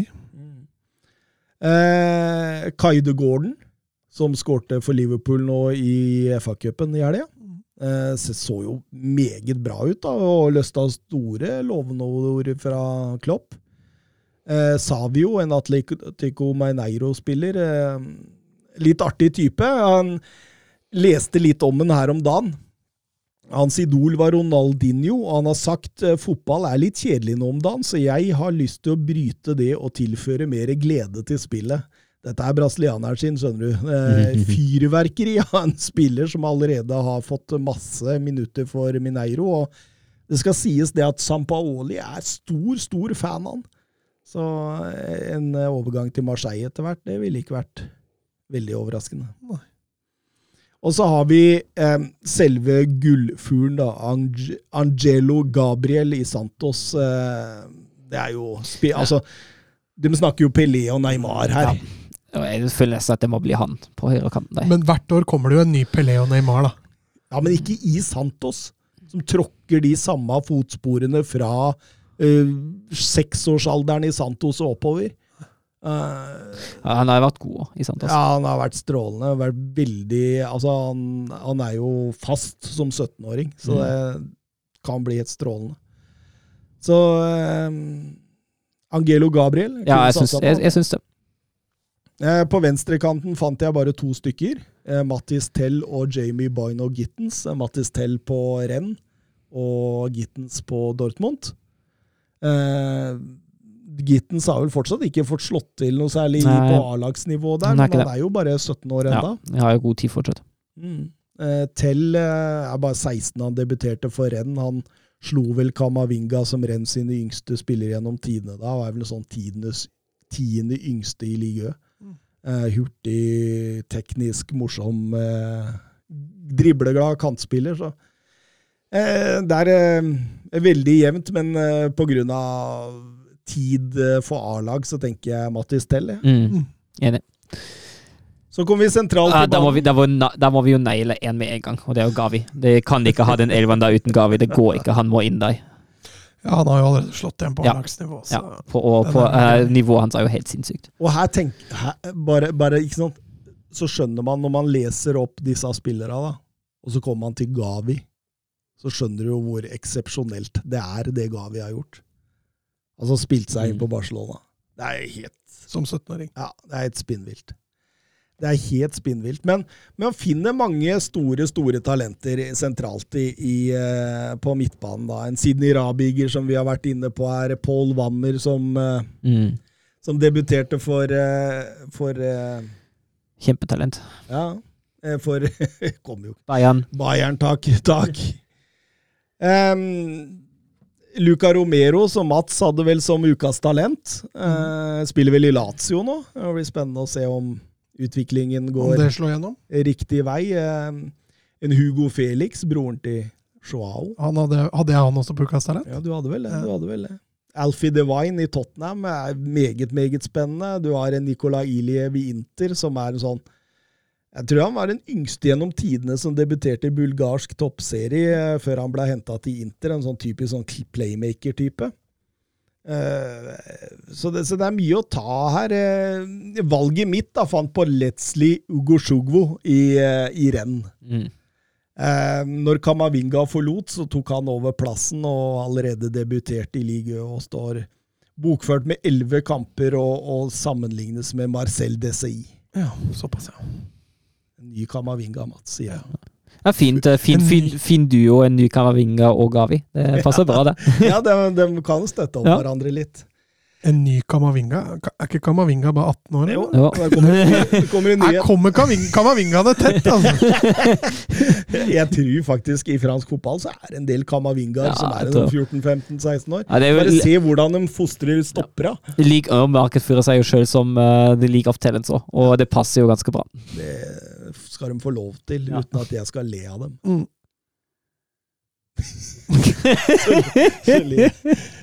eh, spisser. Det er altså en som vi må nesten seile. Yusufa Mokoko. Ja, det syns jeg. Med tanke på hvor langt han har kommet fra sin alder. Ja. Eh, skal vi seile noen flere enn Mokoko? Nei, spille med én spiss. spille med ti mann? Nei, du har jo Mohammed Ali Shou fra Angers. Eh, voldsomt mye spilletid i ligaen nå. Dobbelt statsborgerskap, både fransk og engelsk. Eh, har vært innom både PSG og Everton-akademiet. Han eh, er bare 17 år og får massevis av tillit fra, i Ligue Ø. Eh, Dane Scarlett i Tottenham, jeg gir meg ikke på den. En Defoe-type. Jeg liker han veldig godt. Tror han kan eh, blomstre etter hvert. Eh, ellers så Vignato, eh, Samuele Vignato i Monza er veldig spen- spennende. Kan også nevne en eh, paraguaysk spiss som heter Julio Enciso, som har fått, eh, har fått spille kamper for Libertad, Libertad i Paraguay. Interessant, interessant. Og Mateus Narcimento selvfølgelig må vi ha med i Botafogo Og- og den lille Cavani. Og allerede debutert for paraguaysk landslaget. Deilig, deilig. Eh, Mokoko og Ali Cho blir det da, siden han av spilletida. 18 kamper i, for, liga, for Angers i ligaen. Det Mm. var mye talenter. Det er veldig gøy. Da fikk du et sånt lite flashbacks du, til favorittspalten din. jo, men siden dere ikke klarte å være helt med på den, så ble det liksom sånn Thomas-show hvor jeg satt og Ja, men jeg får, jeg får liksom litt dårlig tid, da. Jeg kommer rett hjem, og så er det rett ned på trening, og så kommer jeg hjem fra trening, så er det rett hit. Og da rekker jeg liksom ikke å, å forberede noe. Nei, Jeg rakk det dessverre ikke i dag heller. Dessverre. Nei, nei det, jeg rakk det, da. Vi kan ta det neste uke. vi, vi tar det neste uke. Geir Halvor Kleiva. Nei, det var ikke han. Det var, Det var Nils Johan Petter Nei, Herregud. Var det, var, var det, var det Støvland? Fred, Fredheim. Fredheim var det, ja. Støvland. Ja. Stø- Støvheim. ja, ja, ja. Nå, nå er det på tide å Vi pakker sekken, og så sier vi adjø. ha det. Adjø.